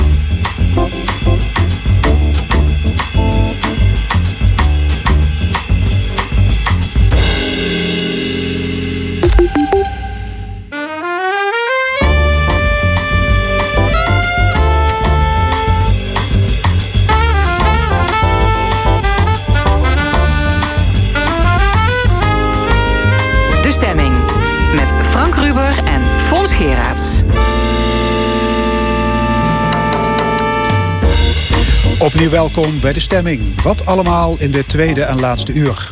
Het panel met de oud-Kamerleden Monique Wendt, Karel Leunissen en Jan de Wit discussieert over spaarders die geld terug willen van de Belastingdienst en andere actuele zaken. Een column van Nina Bokke, maar eerst gesjoemel, Limburg en de media. Vorige week verscheen een rapport over de Limburgse bestuurscultuur. Een van de conclusies is dat Limburg een beroerd imago heeft. En dat is volgens de drie onderzoekers te wijten aan de rol van de media. Door de vele publicaties over de vervlechting van politiek en zakenleven wordt onze provincie onder een vergrootglas gelegd. En dat creëert een beeld dat er in het zuiden meer wordt gesjoemeld dan elders in het land. De krant die het vooral moet ontgelden is NRC. Bij ons twee onderzoeksjournalisten van NRC, Joep Dome en Paul van der Steen. Heren, welkom. Goedemorgen. Ja, dat rapport Engelen bestaat, bestaan niet is vorige week gepresenteerd. Uh, de drie onderzoekers hebben niet alleen interviews gehouden, documenten bestudeerd, uh, data opgevraagd, maar ook de media onder de loep genomen. Hoe bijzonder is dat? Dat ze ook de media onder de loep nemen? Nou, op zich is, het lijkt mij uh, ja, daar is niks mis mee natuurlijk. Als je dat op een goede manier doet. Ik denk dat dat uh, heel verstandig is. Als je dat op een goede manier doet. Dus dit is niet goed gedaan? Nou ja, dat, dat is een van de issues natuurlijk die uh, naar aanleiding van dit rapport speelt. Is uh, als jij met zoveel mensen gaat praten die in die publicaties van die bewuste krant voorkomen. En die mogen van alles zeggen en dat mag allemaal anoniem. Dan is het natuurlijk ook heel goed. En die beschuldigingen zijn hard. Hè, dan is het natuurlijk voor een goede onderzoekscommissie ja, niet vreemd. Ja. Dat je dan ook gaat praten met die krant en zeggen: Goh, er wordt hier dit en dat over jullie gezegd en is dat zo? En dat je daar in elk geval woord, uh, hoor en wederhoor pleegt. En dat is eigenlijk ook een van de problemen die men kan hebben met, deze, met dit rapport. Dat, uh, dat uh, meneer, de, of dat de president van de Algemene Rekenkamer dit een, dit een privéonderzoek gedaan. Ja, een privéonderzoek. Ja. Maar hij wordt wel genoemd in het rapport niet. Hè, er wordt, staat in het rapport niet dat, hij, dat dit een privézaak is. Maar er staat bij, is president van de Algemene Rekenkamer. Heel kort nog even. En de Algemene Rekenkamer is nou net de instelling in Nederland die een heel precies hoor-en-wederhoortraject heeft. Hè. Als zij een opinie heeft over hoe een departement met geld omgaat. Ja, dan hij, hebben ze daar... mij zelf zegt, ik zit daar niet als president van de Algemene Rekenkamer. Nee, maar dan, maar had, hij, dan had hij het in het rapport moeten schrijven. goed. Maar, goed. de commissie heeft met 49 personen gesproken. Eh, ambtenaren, bestuurders, noem maar op. Die betichten jullie onder andere van journalistiek activisme. Wat vinden jullie daarvan? Ja, Paul van der Steen. waarop is dat ook gebaseerd? Hè? Want je ziet dat ze dan uh, gaan turven. Uh, hoeveel heeft NRC over Limburg geschreven en hoeveel hebben andere kranten erover geschreven? Nou ja, we hebben van de week bijvoorbeeld nog eens even LexisNexis, dat is een uh, krantenarchief, nagekeken.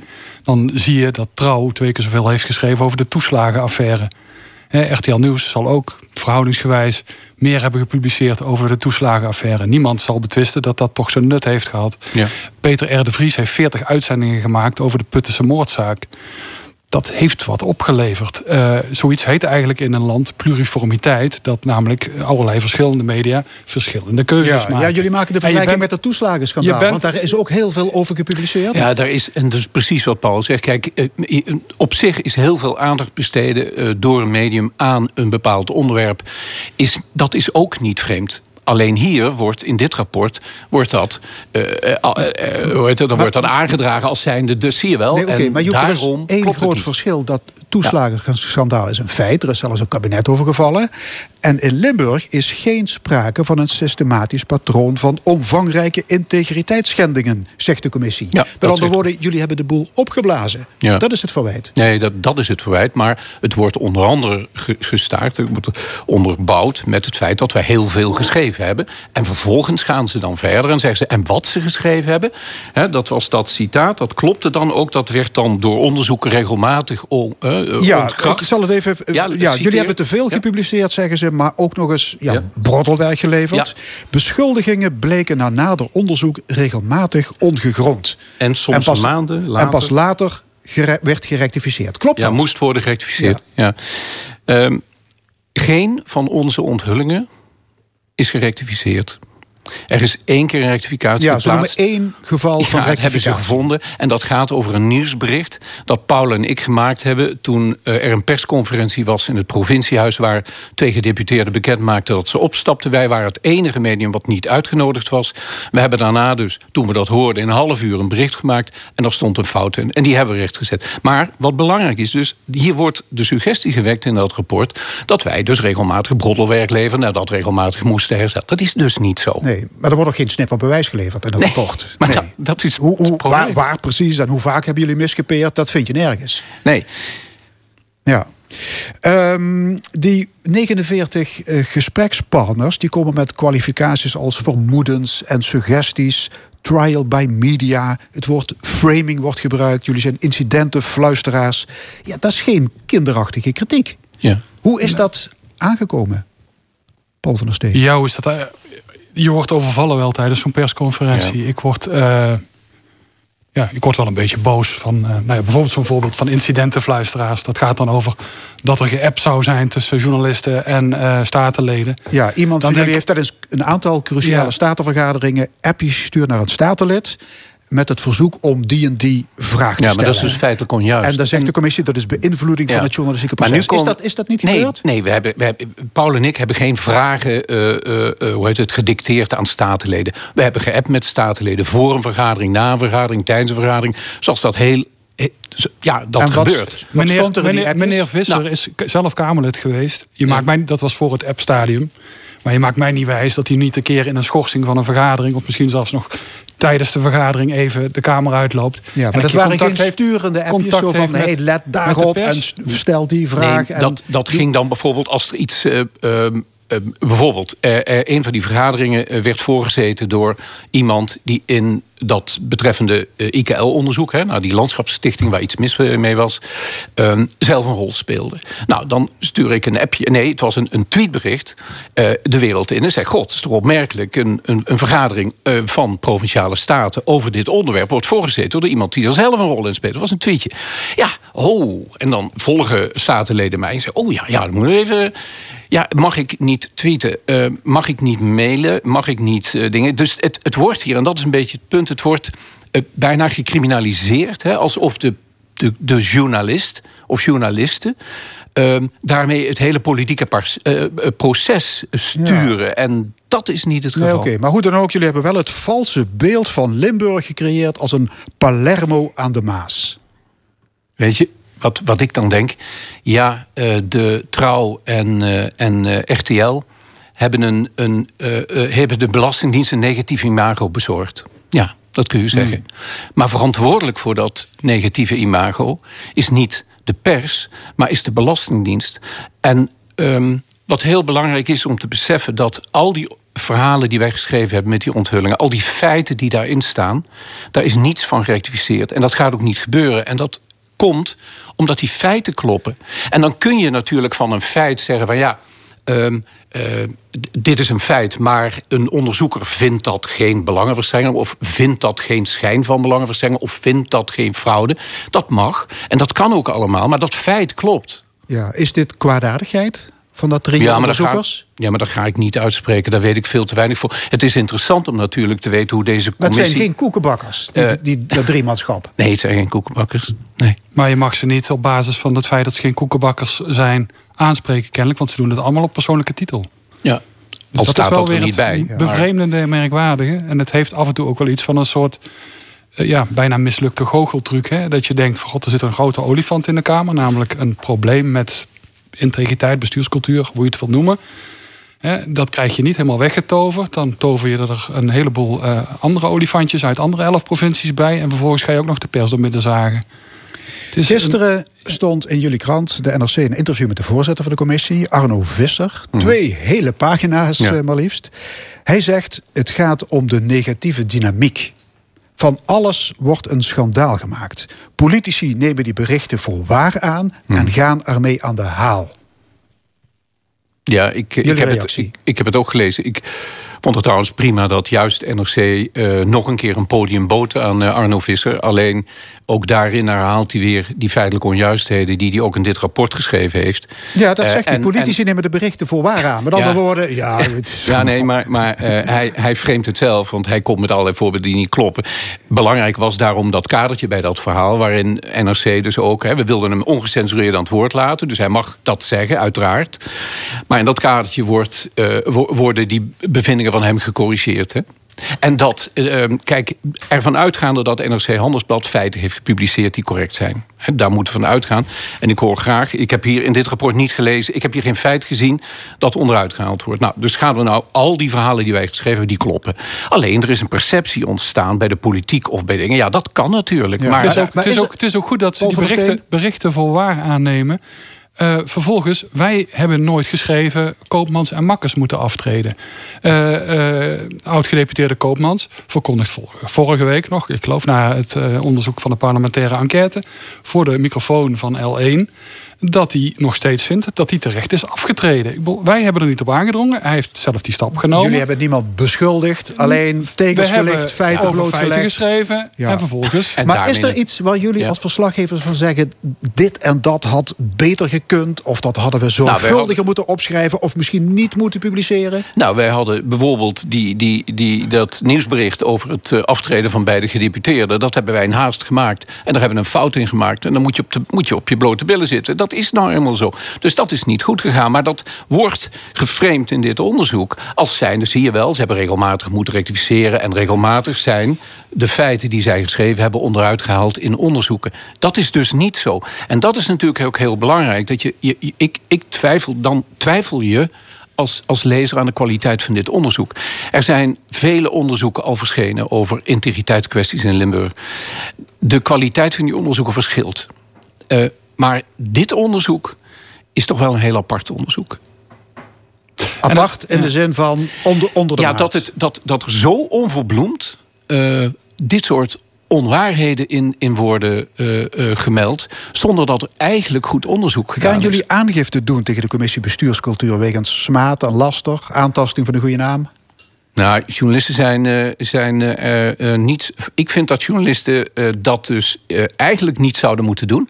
Maar wat er wel gebeurt, is dat er juristen van de Nederlandse Vereniging van Journalisten op dit moment nauwlettend meekijken naar dat boek hè, wat verschijnt. Ja. En naar de manier waarop dat wordt opgeschreven.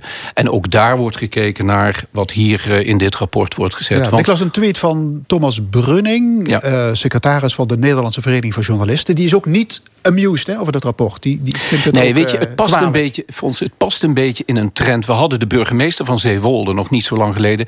die over een artikel van NRC over een datacentrum... dat in die gemeente moest komen, eh, riep in de media... eh, dat is fake news. Nou, dat was het niet, maar hij roept het wel. We hebben hier een commissie die in feite roept fake news. Die jongens die hebben maar wat verzonnen... en ze hebben moeten rectificeren. Die feiten kloppen niet en Limburg is daardoor bezoedeld.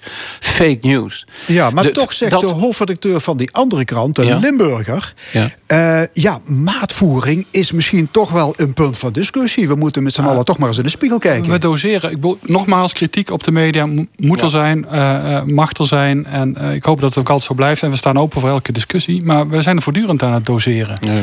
Ik bedoel, we zijn in discussie met onze eigen redactie over eh, moeten we dit doen, moeten we dat doen. Maar onderling hebben wij ook onze Ja. discussies over gaan we in een bepaalde affaire nog een deelaffaire ook nog uitlichten, terwijl we al die andere affaire hebben. Als we drie voorbeelden hebben van een bepaald soort schending, kwestie. Doen we er dan nog eh, voorbeeld vier of vijf? Ja. Gaan we iets publiceren wat eh, relatief vrij klein is. En als we het publiceren, dat dat dan ook nog een politicus op een andere manier zou schaden. En dan maak je voortdurend je afwegingen in. Als het gaat voor de krant, Ja. maar ook als je bezig bent voor dat boek. Maar weet je, uitgangspunt Fons, is dat wat wij schrijven moet kloppen. Dat is heel belangrijk. En dan kom je nog aan die maatvoering. Daarvan kun je zeggen, ja, Trouw heeft, Trouw heeft 373 artikelen over de Belastingdienstaffaire met de toeslagen geschreven. Wij als eh, NRC 200. Ja, dus Trouw heeft er bijna twee, twee keer zoveel geschreven. Maar nemen we dat Trouw kwalijk? Ja. En de hoofdredacteur van de NRC die heeft gereageerd met een ingezonde brief. In de Limburger? Ik citeer: Collega's van de Limburger, blijf vooral doorgaan met dat graafwerk. Ja. Onze journalisten laten zich niet bang maken. Ja. Wat was dat? Het was een hele was dat voor aparte, een actie? Een hele aparte ingezonde brief. Ja, ik denk dat, eh, dat je hoofdredacteur ehm, reageerde op een eerdere. ehm, een artikel in de Limburger, geloof ik, waarin de hoofdredacteur van de Limburger zei dat hij toch wel heel erg blij was dat zijn krant die kritiek niet kreeg. En de vraag die je moet eh, stellen is natuurlijk, als je ziet hoe dun dit rapport is en hoe makkelijk die conclusies zijn getrokken door de commissie, of je als hoofdredacteur van een krant heel blij moet zijn dat je dit quasi-compliment van, van deze commissie krijgt. En onze hoofdredactie vindt dat dat dus niet zo is. Overigens dun ook op andere fronten. Want het dreigt zich nu te verengen tot de media alleen. Maar Ja. als je nu kijkt, hè, ze gaan die vergelijking maken met andere provincies. Dat wordt gebaseerd op enkel klachten bij de nationale ombudsman. Dan kun je je afvragen, A, als het gaat om integriteitskwesties, klagen mensen überhaupt? Er zijn tientallen loketten waar ze terecht kunnen. Van Transparency International tot het OM, tot BZK, tot burgemeesters, commissarissen van de Koning, waar ze terecht kunnen. Misschien klagen mensen wel helemaal niet meer omdat ze murf zijn en denken: zo geeft het nou eenmaal. En zo zal het ook wel altijd blijven. Ja, Ja. Dat, het, is dun op alle fronten, eh, eh, dat onderzoek. Het is ook inhoudelijk dun. En dat, dat daarmee, dat bedoelde ik eigenlijk net te zeggen. Je ziet, er zijn veel onderzoeken verschenen. En eigenlijk het gros daarvan was beter en beter onderzocht. En gefundeerder dan dit werk. En eh, ja, wij zijn. eh, daar zullen ook anderen, denk ik, nog wel een oordeel over geven. En dat moet ook. En ook de staten natuurlijk, hè, Ja, provinciale staten gaan Die hier gaan daar, over ja, praten. zeker. Ja. Jullie komen in april met een nieuw boek. Dat wordt eh, ja, de Vriendenrepubliek deel 2. Er zijn Limburgse bestuurders die nu al dreigen om jullie een proces aan te doen. Heb ik dat, heb ik dat goed? Nou ja, dat klopt, ja. Hoeveel? Vijf of zes, ik weet niet precies. En wie eh, zijn dat? Ja, dat zijn een aantal mensen die in het eh, boek voorkomen. En Die dan, hebben de eh, stu- stukken gelezen uit het boek. Ja, wat wij gedaan hebben, anders dan deze commissie Visser, hebben we dus iedereen die in ons boek voorkomt, hebben we alle passages gestuurd. Hè? Dus iedereen weet van tevoren wat gaan die twee journalisten ehm, over mij schrijven. En die zeggen, als dat een druk verschijnt, dan ja, en die zeggen jullie dus proces. nu. En, en, ja, en die kunnen dan, en dat is hoor en wederhoor. En daar hebben ze soms hele goede opmerkingen. Dan veranderen we dat uiteraard. Of, eh, we hebben ook een heel apart hoofdstuk in het boek waarin reacties komen. Maar eh, er zijn dus nu vijf of zes van deze eh, mensen die bij voorbaat zeggen: ja, maar dit klopt niet. En er klopt eigenlijk helemaal niks van wat jullie geschreven hebben. Zo'n beetje zoals de commissie Visser. En die stellen dus dit soort zaken in het vooruitzicht. En, en de uitgever, zegt hij niet van, ga er nog eens met de stofkam doorheen? Misschien bang voor Anne Frank-achtige eh, toestanden? Ja, maar dat, dat gebeurt dus. Eh, twee, twee advocaten van de NVA zijn ermee bezig, de Nederlandse Vereniging van Journalisten. En eh, ook de uitgever heeft ook een, een jurist die ook nog naar kijkt. Kijk, voor ons, ook hier geldt voor dit boek, wat erin staat, moet kloppen. Ik, wij hebben er helemaal niets aan om een boek te maken waar, eh, waar je na twee maanden moet rectificeren of uit de handel halen of dat soort dingen. Dus het, het, het moet gewoon kloppen. En het is denk ik een heel waardevol boek. De Vriendenreunie Zit- zit heet het- het. Ja, trouwens. Vriendenreunie. Zit er een nieuwe onthulling in het boek? Ja, ook. En we komen ze, en we een komen ze, en we komen ze, graag, en we komen ze graag toelichten. Dan. Heel goed. In april volgens Maar jullie moeten voorzichtig zijn met het gebruik van het woord integriteit, hè? zei Arno Visser gisteren in de, in de krant. Niet alles is een integriteitsschending. Nee, Pas dat, op. Nee, dat klopt. En het woord komt wel voor in het boek. Ja, dat Ja. dacht ik al. Ja. Hey, en ik heb begrepen dat Ger Koopmans een brief naar de NRC heeft gestuurd... met het verzoek om alle artikelen over de Limburgse bestuurscultuur te rectificeren. Ja, het moet allemaal gerectificeerd worden. Ja. Ja, ik, ik zeg er verder niks op, joh. Ik kan dat bijna niet... eh, Nee, alle ja. artikelen. Alles, moet, En- het en- moet, alles over hem eh, moet allemaal gerectificeerd Gaan worden. jullie niet doen? Nou, ik, eh, wat denk je zelf, Fons? Ik heb Ik net gezegd ben- dat al onze feiten kloppen.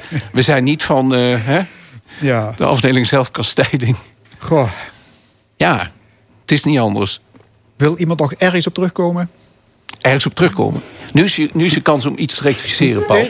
Nee, ja, niet echt. Ik heb er wel niks op op dit moment. Dus eh, ja. Nee. Alright. Mag ik jullie dan Maar mag ik, hartelijk mag, danken? Mag, Ja, ik, nog iets, mag ik nog één ding zeggen, Fons? Ik vind het fijn, dat meen ik echt, en dat is niet om te slijmen... dat we hier ons woord hebben kunnen doen. En dat hadden we natuurlijk graag bij die commissie willen doen. Ehm, en ik vind, journalisten moeten ook verantwoording afleggen... en kritische vragen kunnen hebben. En eh, als het fout is, eh, de gevolgen daarvan draaien. Maar ik, vind, dragen. maar ik vind het fijn dat we hier hebben kunnen zitten... en dit verhaal hebben kunnen doen. Geen geduld. Dank je wel. Hartelijk dank, NRC-journalisten Joep Dome en Paul van der Steen. En succes met de Vriendenreunie.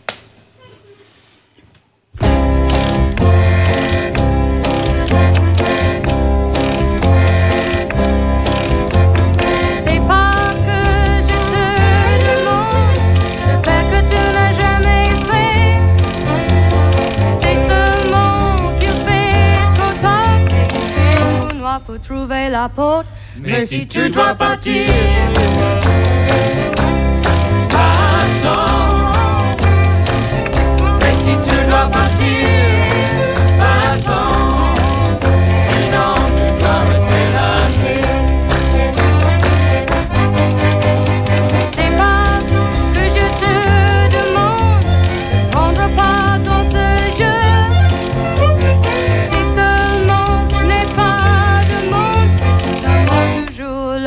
par contre. Mais si tu dois partir, attends. Mais si tu dois partir,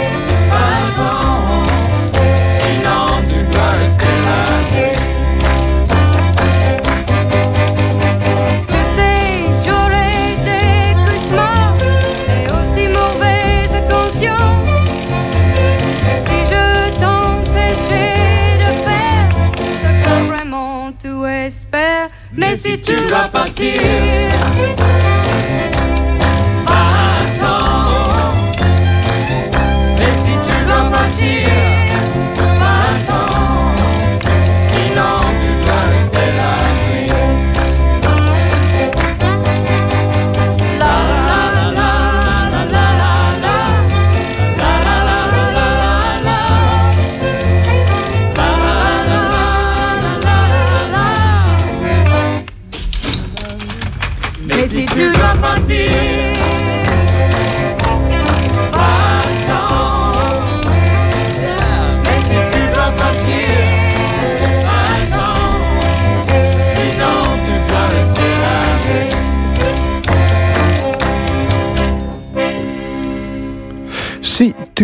Partir van Fairport Convention. Dit is L1 met de stemming. Dadelijk de impact van de Olympische Spelen, vermogenspolitiek en andere actualiteiten van de afgelopen week in het opiniepanel. Maar eerst. De column. Vandaag met Nina Bokken. Wat vindt je moeder hier eigenlijk van? Ik hoorde het mezelf vragen aan een activist die een aantal dagen in een boom van het Sterrenbos had gezeten. Ooit stond ik zelf op het Malieveld tussen de waterkanonnen. En nu stel ik mensen van dezelfde leeftijd die ik toen had de vraag wat hun moeder vindt van hun idealen. Dat krijg je als je ouder wordt. Je raakt afgeleid, alles glijdt wat sneller van je af en je neemt minder risico's. In mijn geval heeft dat te maken met het feit dat ik binnen nu en een paar dagen moeder zal worden. Mijn verloofde is nu 39 weken zwanger. Het maakt dat je anders gaat kijken naar de wereld. Het stormde vannacht en het eerste waar ik aan dacht was hoe het zou zijn met de actievoerders in de bomen. Veelal jonge mensen. Het is bijna grappig om te zien dat in dit land trekkers de deur van een provinciehuis aan gort kunnen beuken, maar dat als er een paar actievoerders in een boom kruipen, een soort militaire operatie op gang komt. En zelfs een tegendemonstratie van Netcar-medewerkers. Het gaat om jullie toekomst en om de toekomst van dit prachtige autofabriek, schalde door de megafoons van FNV en CNV tijdens de bijeenkomst die zogenaamd was georganiseerd door werknemers. FNV was een aantal jaren geleden nog verbolgen door het ontslag van 700 uitzendkrachten door Netcar. Volgens voorzitter Ron Peters gaat het hier om de toekomst en de boterham van 4200 gezinnen. Een handjevol activisten in een bos die de boterham van 4200 gezinnen willen afpakken. U hoort het goed. En ervaren multinational en miljardenbedrijf VDL Groep staat natuurlijk volledig met de rug tegen de muur zonder dat ene stukje bosgrond. Dat snap je wel. Een paar jaar geleden moest Netcar nog arbeiders ronselen in het buitenland en bij het UWV om hun arbeidsplaatsen gevuld te krijgen. Daarna kwam naar buiten dat het bedrijf zijn personeel dagelijks drugs- en alcoholtesten liet doen, omdat er gehandeld en gebruikt werd op de werkvloer. In de jaren daarna vielen er weer grote ontslagen door financiële tegenslag. Nu wordt ineens de zorg over het personeel ingezet om de publieke opinie met emotie te beïnvloeden. Een strategie die multinational eigen is. Mensen met dezelfde belangen tegen elkaar opzetten en zelf de lachende derde zijn. Die boterham waar Peters het over heeft, is er een met worst. Een worst die de mensen wordt voorgehouden van het merk Rivian uit Amerika. Een bedrijf met een nogal bedenkelijke economische status waarvan niet eens duidelijk is of ze wel interesse hebben. Als je de website van de multinational bekijkt, krijg je de indruk dat het gaat om een soort tweede Greenpeace, die toevallig ook nog auto's maakt. Er zijn plaatjes te zien van een kudde bisons en een man die teder een schildpad vasthoudt. Het woord sustainability wordt rijkelijk rondgestrooid. Ironisch dat voor een bedrijf dat elektrische auto's maakt en dweept met natuurliefde een waardevol bos gekapt moet worden. Het doet me een beetje denken aan de Olympische Winterspelen. Die zouden de groenste ooit worden. Maar ondertussen worden er tonnen ernstig vervuilende nepsneeuw gestort, omdat er geen echte ligt. Het klimaatprobleem is van levensbelang, zodra, zolang er astronomische bedragen mee verdiend kunnen worden. De moeder van de activist die ik sprak was aanvankelijk niet erg blij met de idealistische vrije tijdsbesteding van haar dochter. Maar toen haar kind had uitgelegd waarom ze dit deed, namelijk dat ze in haar generatie zou worden opgezadeld met onomkeerbare klimaatproblemen, begreep ze het toch wel. Die problemen beginnen dicht bij huis, letterlijk in je achtertuin. Eigenlijk zijn het de grote bedrijven zelf en wij die afgeleid raken, die ook mijn dochter later de boodschap geven dat ze gewoon de boom in kan. De column was dat van Nina Bokken. In de stemming is het panel aangeschoven om te discussiëren over prangende actualiteiten. Vandaag over de Olympische Winterspelen in Beijing, het tumult over box 3 en wat gaat de gouverneur doen met het rapport bestuurscultuur. Aan tafel de oud-Kamerleden Monique Quint van de PvdA, Jan de Wit van de SP en Karen Leunissen van het CDA. Welkom alle drie. Ja, de Olympische Winterspelen die zijn vrijdag begonnen met een spectaculaire openingsceremonie. Van tevoren veel discussie hè, over de vraag eh, of we die Spelen nou zouden moeten boycotten. Diplomatiek zouden moeten boycotten vanwege de mensenrechten schendingen in China. Met welk gevoel kijken jullie naar dit evenement van wereldformaat? Ik kijk niet. Jij kijkt niet? Ik kijk Nee. weinig. Jij kijkt weinig, Ik kijk weinig. Ik kijk wel. Jij kijkt wel. En ik vind het leuk ook. En ik denk dat die Olympische Spelen toch een, een waardevol, eh, waardevol evenement is één in de vier jaar. Waar heel veel mensen toch een enige verbroedering vinden tussen de verschillende landen.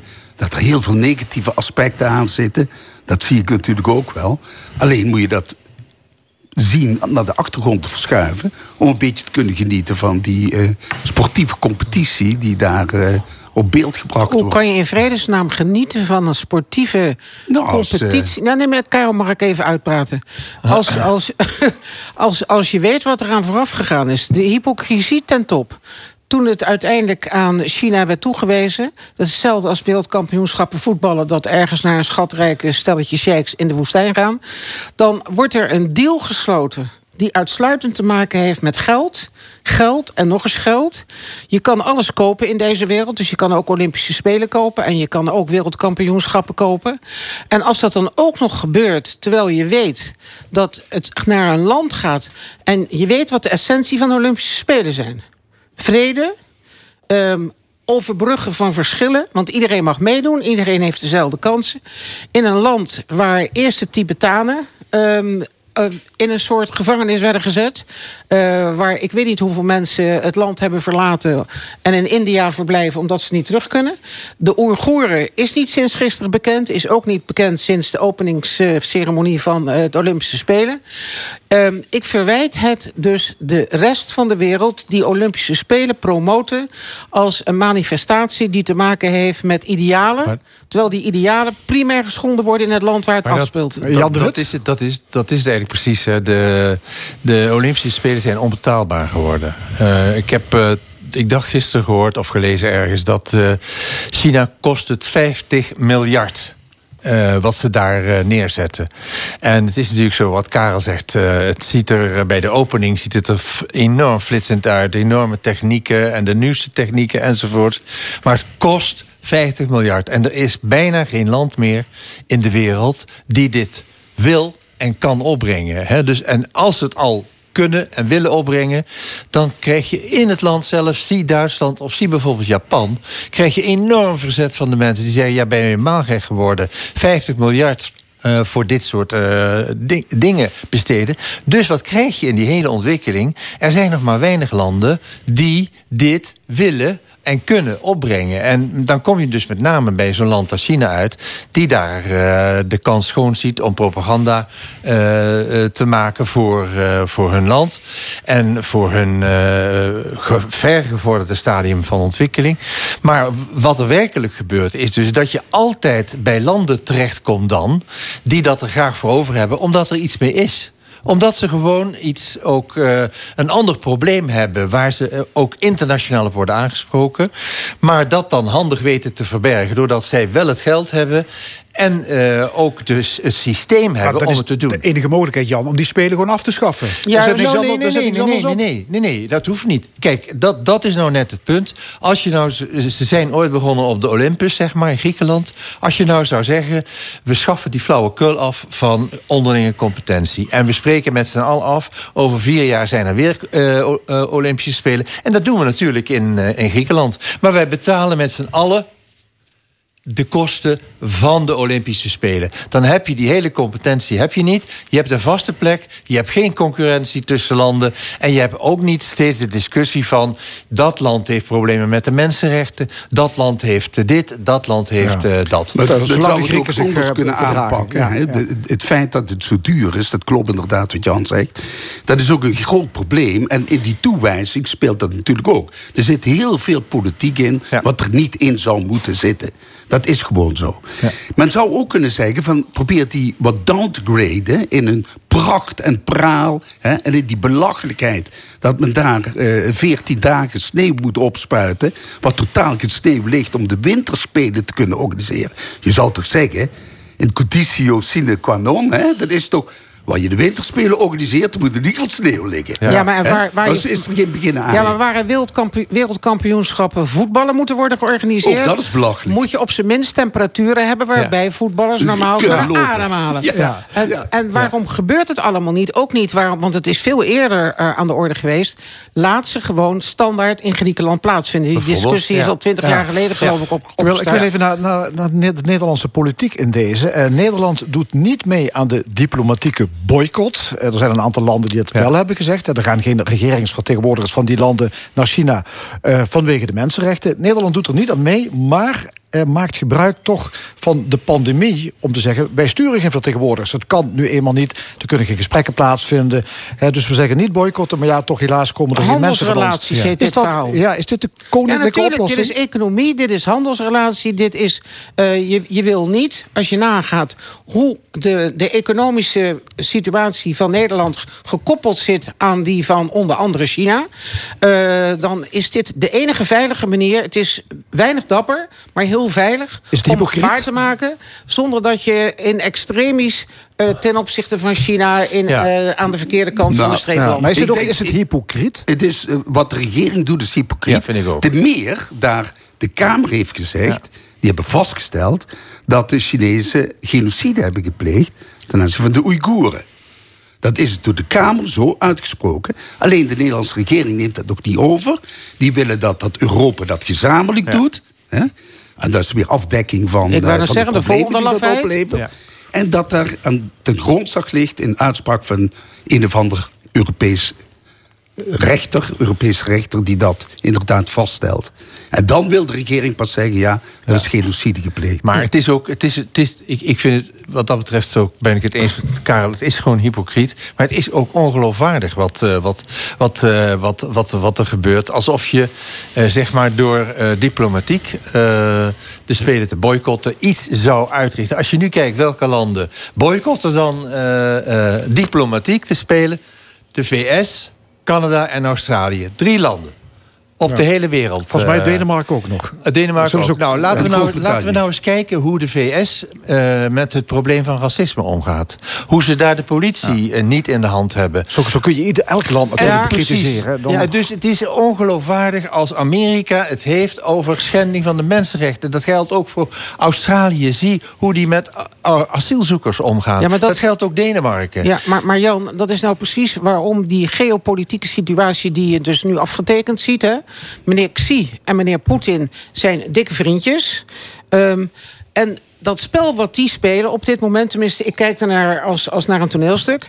Dat heeft alles te maken met de macht die met name Poetin, maar ook meneer Xi ontlenen aan het feit dat het Westen zo ongelooflijk hypocriet is. Ja. Want die verwijten Ja. zowel de Chinezen als de Russen, dat ze een aantal misdaden tegen de menselijkheid plegen. Terwijl men in een heleboel westerse landen diezelfde misdaden pleegt. Alleen het wordt minder omdat wij, wij lezen geen Chinees en we lezen geen Russisch. Dus de, de westerlingen weten niet wat in de pers allemaal verschijnt over ons. We hebben het vandaag eerder in de uitzending gehad over welk beeld heeft men van elkaar. Nou, ga er maar vanuit dat de Chinezen eh, gevoed worden regelmatig met schenden van mensenrechten aan de westerse kant. Dus en daarom geloof ik niet meer in een waardevrij Olympisch feest. Ja. Omdat op dit moment de wereld überhaupt... eh, doordat de een om andere reden dan de ander...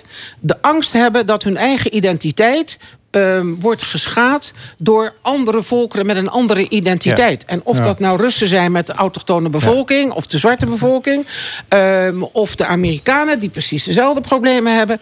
Men wil zijn eigen identiteit koet koet op de een of andere manier waarborgen. En geen enkel middel is daarvoor te slecht. Ja, denk nu niet dat eh, Poetin en Xi zo'n goede vriendjes zijn... omdat ze het zo goed met elkaar Nee, kunnen natuurlijk vinden. niet. Dat denk ik ook helemaal Die niet. hebben allebei hun problemen in hun backyard. Hè? En dat accepteren ze van elkaar. Daar bemoeien ze zich niet mee. Maar vergeet niet dat Xi nu met Poetin heeft afgesproken... dat die miljarden kubieke meter gas die naar Europa zouden gaan... in de toekomst naar China gaan. En daar vaart China heel wij bij, wel bij. Want die hebben nog eh, 90% van de energie... wordt nog opgewekt in kolencentrales. Ja, maar het gaat uiteindelijk altijd om geld en economie. Ja, economie. Ik bedoel, Ja, de, hele, de hele wereldpolitiek zit daarmee vol. Vandaar dat ik zeg, ik durf op mijn leeftijd niet meer idealen te hebben als waardevrij Olympische Nee, maar- Spelen. ik geloof er niet in. Daarom, krijg het daar- niet voor elkaar. eh, daarom is het ook zo triest eigenlijk... Hè, dat elke keer, als, en, en terecht het probleem van de mensenrechten... is natuurlijk buitengewoon belangrijk om dat aan de kaak te stellen... waar dan ook. Maar het zijn elke keer de sporters... De sporters die de kastanjes uit het vuur moeten halen. Ja, dat is- want dus, dus als het gaat over voetbal of schaatsen of wat dan ook... laat de sporters nou maar eens een keer wat doen. Terwijl de handel met China, de handel met Qatar... die is torenhoog eh, vanuit het Nederlandse bedrijfsleven. Daar wordt niet over gesproken. Alsof dat niets met mensenrechten Ja. te maken heeft. Ja. Dus het is echt zo'n moeilijke discussie. Eigenlijk zou je dus kunnen zeggen... eh, we hebben allemaal, al die landen die het over mensenrechten hebben... moeten ook goed nadenken over eh, of ze wel zo'n grote mond kunnen opentrekken. Ja. Wat kan dit betekenen? Die sporters die meedoen, die hebben zelfs van China eigenlijk, die zijn gewaarschuwd. Hè? Als je je negatief uitlaat over China, het kan negatieve gevolgen hebben. Dus dat betekent eigenlijk dat het, eh, het autoritaire systeem van China, dat ze dit eigenlijk ook wereldwijd uit te rollen Ja, maar, op maar deze Frank, manier. maar toen besloten werd om de Olympische Spelen, vandaar dat ik zo strak erin zit. Toen was China al zo. Toen had je al dat sociale zekerheidssysteem met gezichtsherkenning, waarbij je strafpunten opliep wanneer je het te vroeg overstak. Ehm, dan kon je je baan al kwijtraken of je kwam niet aan een huis. Dit is niet sinds gisteren.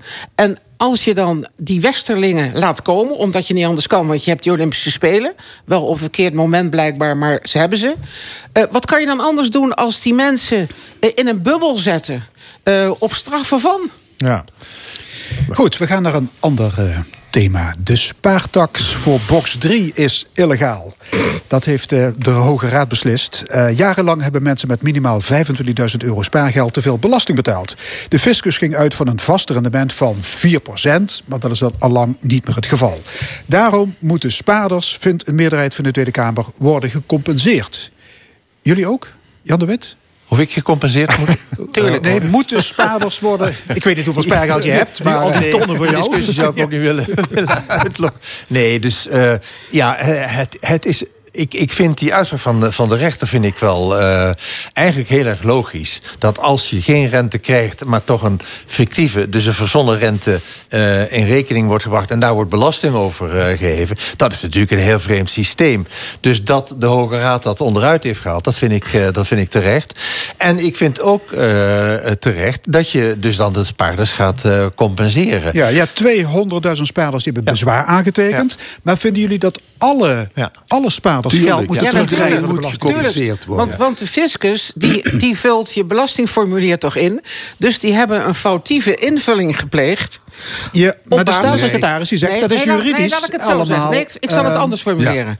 Ze, ze hebben het ingevuld en er een algoritme op losgelaten. Want ook hier hebben we weer te maken Alweer. met algoritmes. Ja. Want in dat algoritme zit een fictieve rendementsaanname... wat betreft percentages waar je wel... eh, dat zou je wel ontvangen hebben.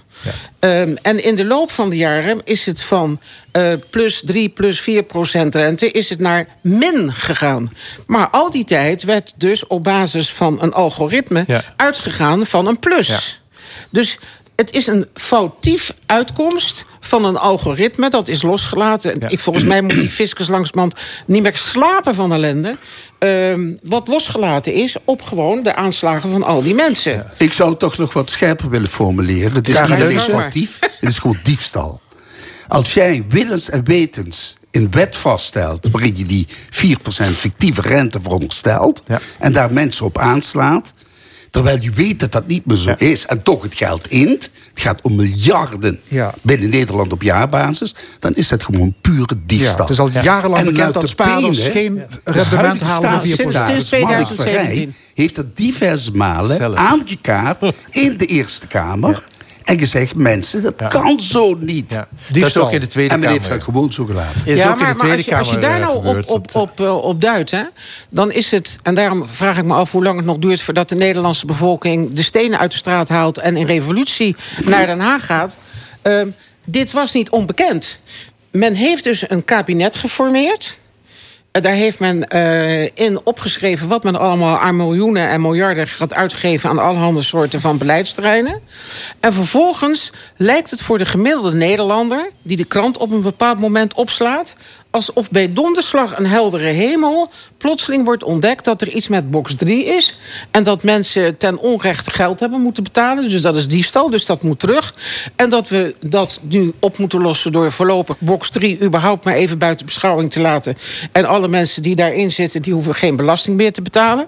Ik heb intussen nagegaan wat je allemaal voor trucken uit kan halen om je vermogen vanuit box 1, box 2 in box 3 eh, neer te zetten. Zodat je voorlopig de eerste jaren daar geen belasting over hoeft te betalen. Dan denk ik, hoe moet de gemiddelde Nederlander dit ervaren? Eh, zijn ze daar nou gek? Of is dit opzet? En ik weet het dus ook niet meer, want ik weet dat in de Eerste Kamer daar eh, nadrukkelijk naar gevraagd is. Maar nu wordt gedaan alsof ze het gisteren ontdekt hebben. Nee, dus ik ben, het er, ik ben het er ook wat dat betreft mee eens dat die discussie al, al, heel, al veel langer eh, gevoerd wordt. Met name over die, dat, dat fictieve rendement van die 4%. Dat is eh, zelfs toen ik in de Kamer zat, was daar al discussie over. Maar er is nog een ander aspect. Hè, dat je ook in het, zeg maar, als je het kijkt naar de belastingen zelf, naar het systeem van het belastingrecht. Een van de belangrijkste principes is het gelijkheidsbeginsel in het belastingrecht. En als je nou ooit eh, te maken hebt met, belasting, met, met het gelijkheidsbeginsel, dan is het hier dat je het niet kunt beperken tot, een, tot de groep die bezwaar heeft gemaakt. Want zo ken ik er nog wel een paar. Als de, als de rechter een principiële uitspraak doet, in wat voor zaak dan ook, geldt die meestal voor heel Nederland. En niet voor die ene eh, persoon die nou toevallig geprocedeerd is. Dus dat gelijkheidsbeginsel is buitengewoon belangrijk. Nee, dat klopt. Maar wat, wat er nog eens bij komt, dat is dat we hebben een groot woningsprobleem. Ik weet niet hoe lang al bekend is dat juist ons belastingstelsel voor een enorm groot percentage verantwoordelijk is voor het tekort aan woningen. Want als je eh, woningen koopt, je tweede of je derde of je vierde. En we hebben tegenwoordig een kabinet met geloof ik twee, drie, vier eh, woningen. Het is ook prettig dat de media dat voor ons even hebben uitgezocht, want dan weten we dat ook weer. Maar in ieder geval, het rendement van al dit onroerend goed bezit, daar word je niet op belast. Dus dat betekent dat als je tonnen op je rekening hebt staan bij de bank, waar je tegenwoordig ook rente over moet betalen, want je moet de bank betalen omdat je daar je geld hebt staan, dan heb je dus het probleem dat je dus en rente moet betalen en je moet belasting betalen. Dus wat ga je doen? Je gaat een middel zoeken om dat geld ergens neer te zetten dat rendabel wordt, zonder dat je daar belasting over hoeft te betalen. Maar goed, even, even terug naar box 3. Ja, nee, maar wat dit het ja, dat snap ik. Ja, maar dit is een box ergste 3 is verhaal. Over box 3 is dat eh, Van Rij zei... dat als de Hoge Raad de wet niet op non-actief had gesteld...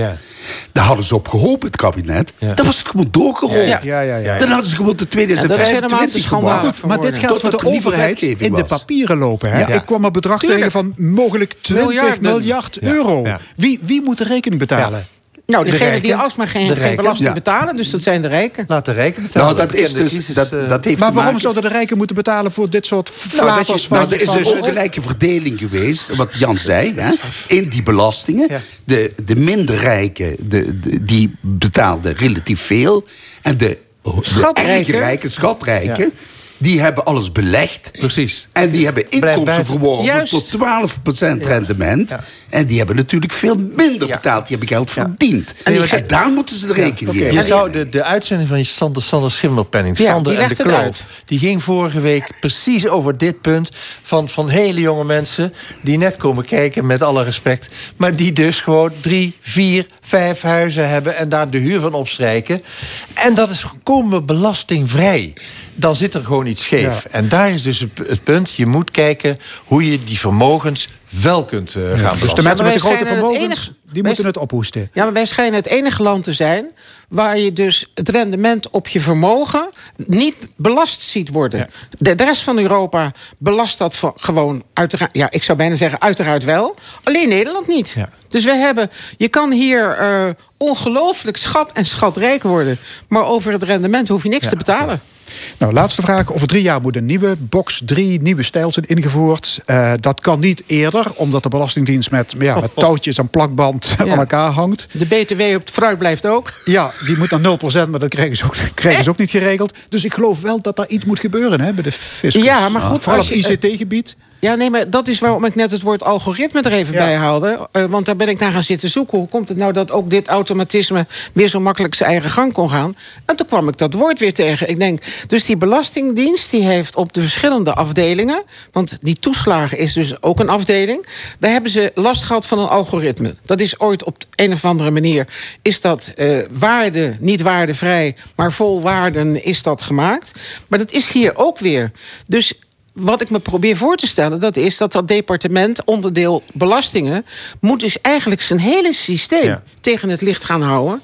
En kijken hoe ook al die verschillende algoritmes op elkaar Ja. inwerken. Toch wil ik daar ook nog even een kritische kanttekening bij maken. Toen de BTW omhoog ging op fruit en groente, dat ging makkelijk. No problem. En nu gaat het omlaag en dan gaat het ineens niet. Nee, dat gaat niet. Nee. Nou, vertel me dat. Dat is toch Ja. mensen uit te leggen. Nee, dus Vandaar het- die en het stenen is die ik al alsmaar uit de straat zie Het is al, een- het is al zo'n chaos eigenlijk eh, op het ministerie van Financiën. Alleen die toeslagenaffaire. Dat ze die nog steeds niet rond kunnen krijgen. Dat ze het niet geregeld krijgen dat mensen waarvan al tien keer gezegd is dat ze geld terugkrijgen. en aanzienlijke bedragen terugkrijgen. Dat ze dat niet krijgen en dat dat niet te regelen valt op dat ministerie. Die, inderdaad, de, oude, de, de ICT-problemen. En nu moeten ze een nieuw systeem gaan maken. Ik houd mijn hart eh, vast. Maar desalniettemin, het moet gebeuren. Maar de, de periode waarover we eh, zeg maar zullen moeten wachten... zal denk ik wel aanzienlijk... Kortom, eh, dit Nou, dan land- hebben we alweer land- een ander kabinet. Dat zou kunnen, Dit ja. land is nog lang niet af. Dat vind ik een understatement. Eh, we gaan naar eh, Limburgs nieuws. Gouverneur Emiel Roemer die gaat op tournee langs de Limburgse gemeenten. En de aanleiding is het onderzoek naar eh, de Limburgse bestuurscultuur. Hij gaat met eh, 31 burgemeesters praten. Ehm, wat, wat, wat, wat, wat verwachten jullie daarvan? De, burge- de, de gouverneur komt binnen, gaat in gesprek met de burgemeester... heeft dat rapport onder zijn arm. Wat, wat, wat gaat daar gebeuren? Nou, er kan geen burgemeester mee uit de voeten, zal ik je nu bij voorbaat maar zeggen. Want een burgemeester wordt niet gekozen in dit land, maar is een kroonbenoeming. Terwijl wethouders, die worden door de raad gekozen. Hij is wel hoeder van de integriteit. Ja, dat, daar legt hij zelfs een eet op af. Dat weten sommigen ook niet meer als ze al jaren burgemeester zijn, maar dat is een ander verhaal. Ehm, maar waarom ik zeg dat schiet niet op? Omdat je, je kan als voorzitter van een college en voorzitter van de gemeenteraad, net als bij de gouverneur, die is voorzitter van twee gremia, eh, kan je hoogstens, en dat schijnt het probleem ook in het provinciehuis geweest te zijn, instrumenten ontwikkelen waar je het met de raad over eens wordt dat dat instrumenten worden waarmee je al die schone woorden die je op papier zet ook gaat controleren, dan moet je als burgemeester voortdurend ermee rekening houden dat je wethouders niet in dienst hebt. Heel veel mensen denken dat een burgemeester de basis is over wethouders, maar dat is die helemaal niet. Hij, hij, hij vormt met de wethouders een college en de raad bepaalt de spelregels. Nee, het is wel zo natuurlijk dat de commissaris van de Koning, dus de, die wij dan gouverneur hier noemen, commissaris van de Koning, speelt wel een rol bij de benoeming en het ontslag van een burgemeester. Ja, maar dan zit hij Een hele belangrijke Ja. eh, rol. En het punt is natuurlijk, als je zegt, ja, eh, we hebben een rapport over een nieuwe bestuurscultuur, of we willen een nieuwe bestuurscultuur, maar we laten dat over aan eh, Pietje Puk en een andere burgemeester nog. Dat zou ik een hele slechte zaak vinden. Dus ik vind het heel goed dat, laten we zeggen, de gouverneur nu, dat Roemer gewoon de grenzen opzoekt. En dat hij dus probeert eindelijk eens een keer eh, spijkers met koppen te slaan. Uit al die verhalen over Limburg, hè, waar we mee- jullie eh, ook mee begonnen zijn, de uitzending van, of althans tweede deel, mee begonnen zijn over de integriteit.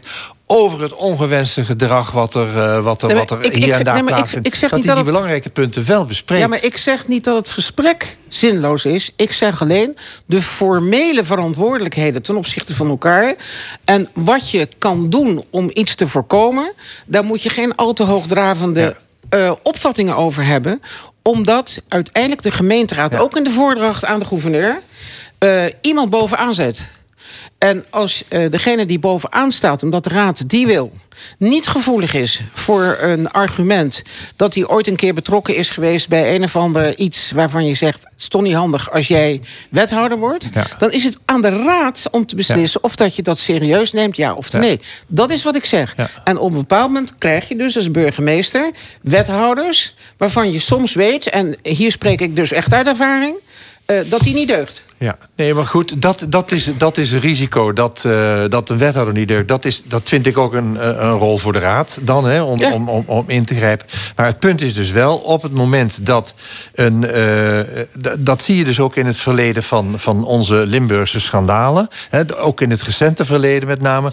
De gouverneur die we toen hadden, daar wordt bij een aantal van de integriteitsproblemen die gerezen zijn. Eh, Daar wordt gewoon gezegd, de, de gouverneur was op de hoogte. Had de gouverneur niet moeten ingrijpen? Had de gouverneur niet actiever moeten zijn? Had hij niet dit, had hij niet dat? En ik denk dat het goed is als een gouverneur nu zegt, Roemer dus... jongens, er valt Ik met denk- mij ja. over integriteit niet te sjoemelen. En als er wat is, dan grijp ik in. En dat daar moeten jullie van uitgaan... dat je dat integriteitsbeleid ook gaat... Ik vind het fantastisch Leunissen, dat CDA. eh, Roemer nu op bezoek gaat. Eh, bij de burgemeesters om in ieder geval kennis te maken. En toch ook wel eens iets van zich te laten horen hoe hij ziet dat het naar de toekomst eh, vormgegeven zou moeten worden. Het samenspel tussen gemeentes en provincie. En, eh, maar dat hij daadwerkelijk, eh, om reden wat Monique zei, werkelijk iets kan veranderen van vandaag op morgen of van vandaag op volgend jaar, dat zie ik ook niet. Hij zal het wel de sfeer kunnen verbeteren, de, de week kunnen leggen, erop toezien dat burgemeesters ook erop toezien in hun gemeente dat die sfeer goed blijft. Hè? En dat mensen, de verschillende partijen, goed met elkaar in de raad eh, overweg kunnen en constructief zijn. Maar het zal toch van onderop, dat heb ik hier al vaker gezegd. Integriteit moet je van onderop opbouwen. En dat moet niet alleen binnen de provincie, maar ook binnen de gemeenteraden. Moet dat in de week gelegd worden en moet dat uh, vormkrijgen. Karen Leunissen, Jan de Wit, Monique Wendt. Dit was de stemming, vandaag gemaakt door Edwin Maas, Angel Zwarts, Fons Geraas en Frank Ruber. En graag tot volgende week zondag, weer om 11 uur.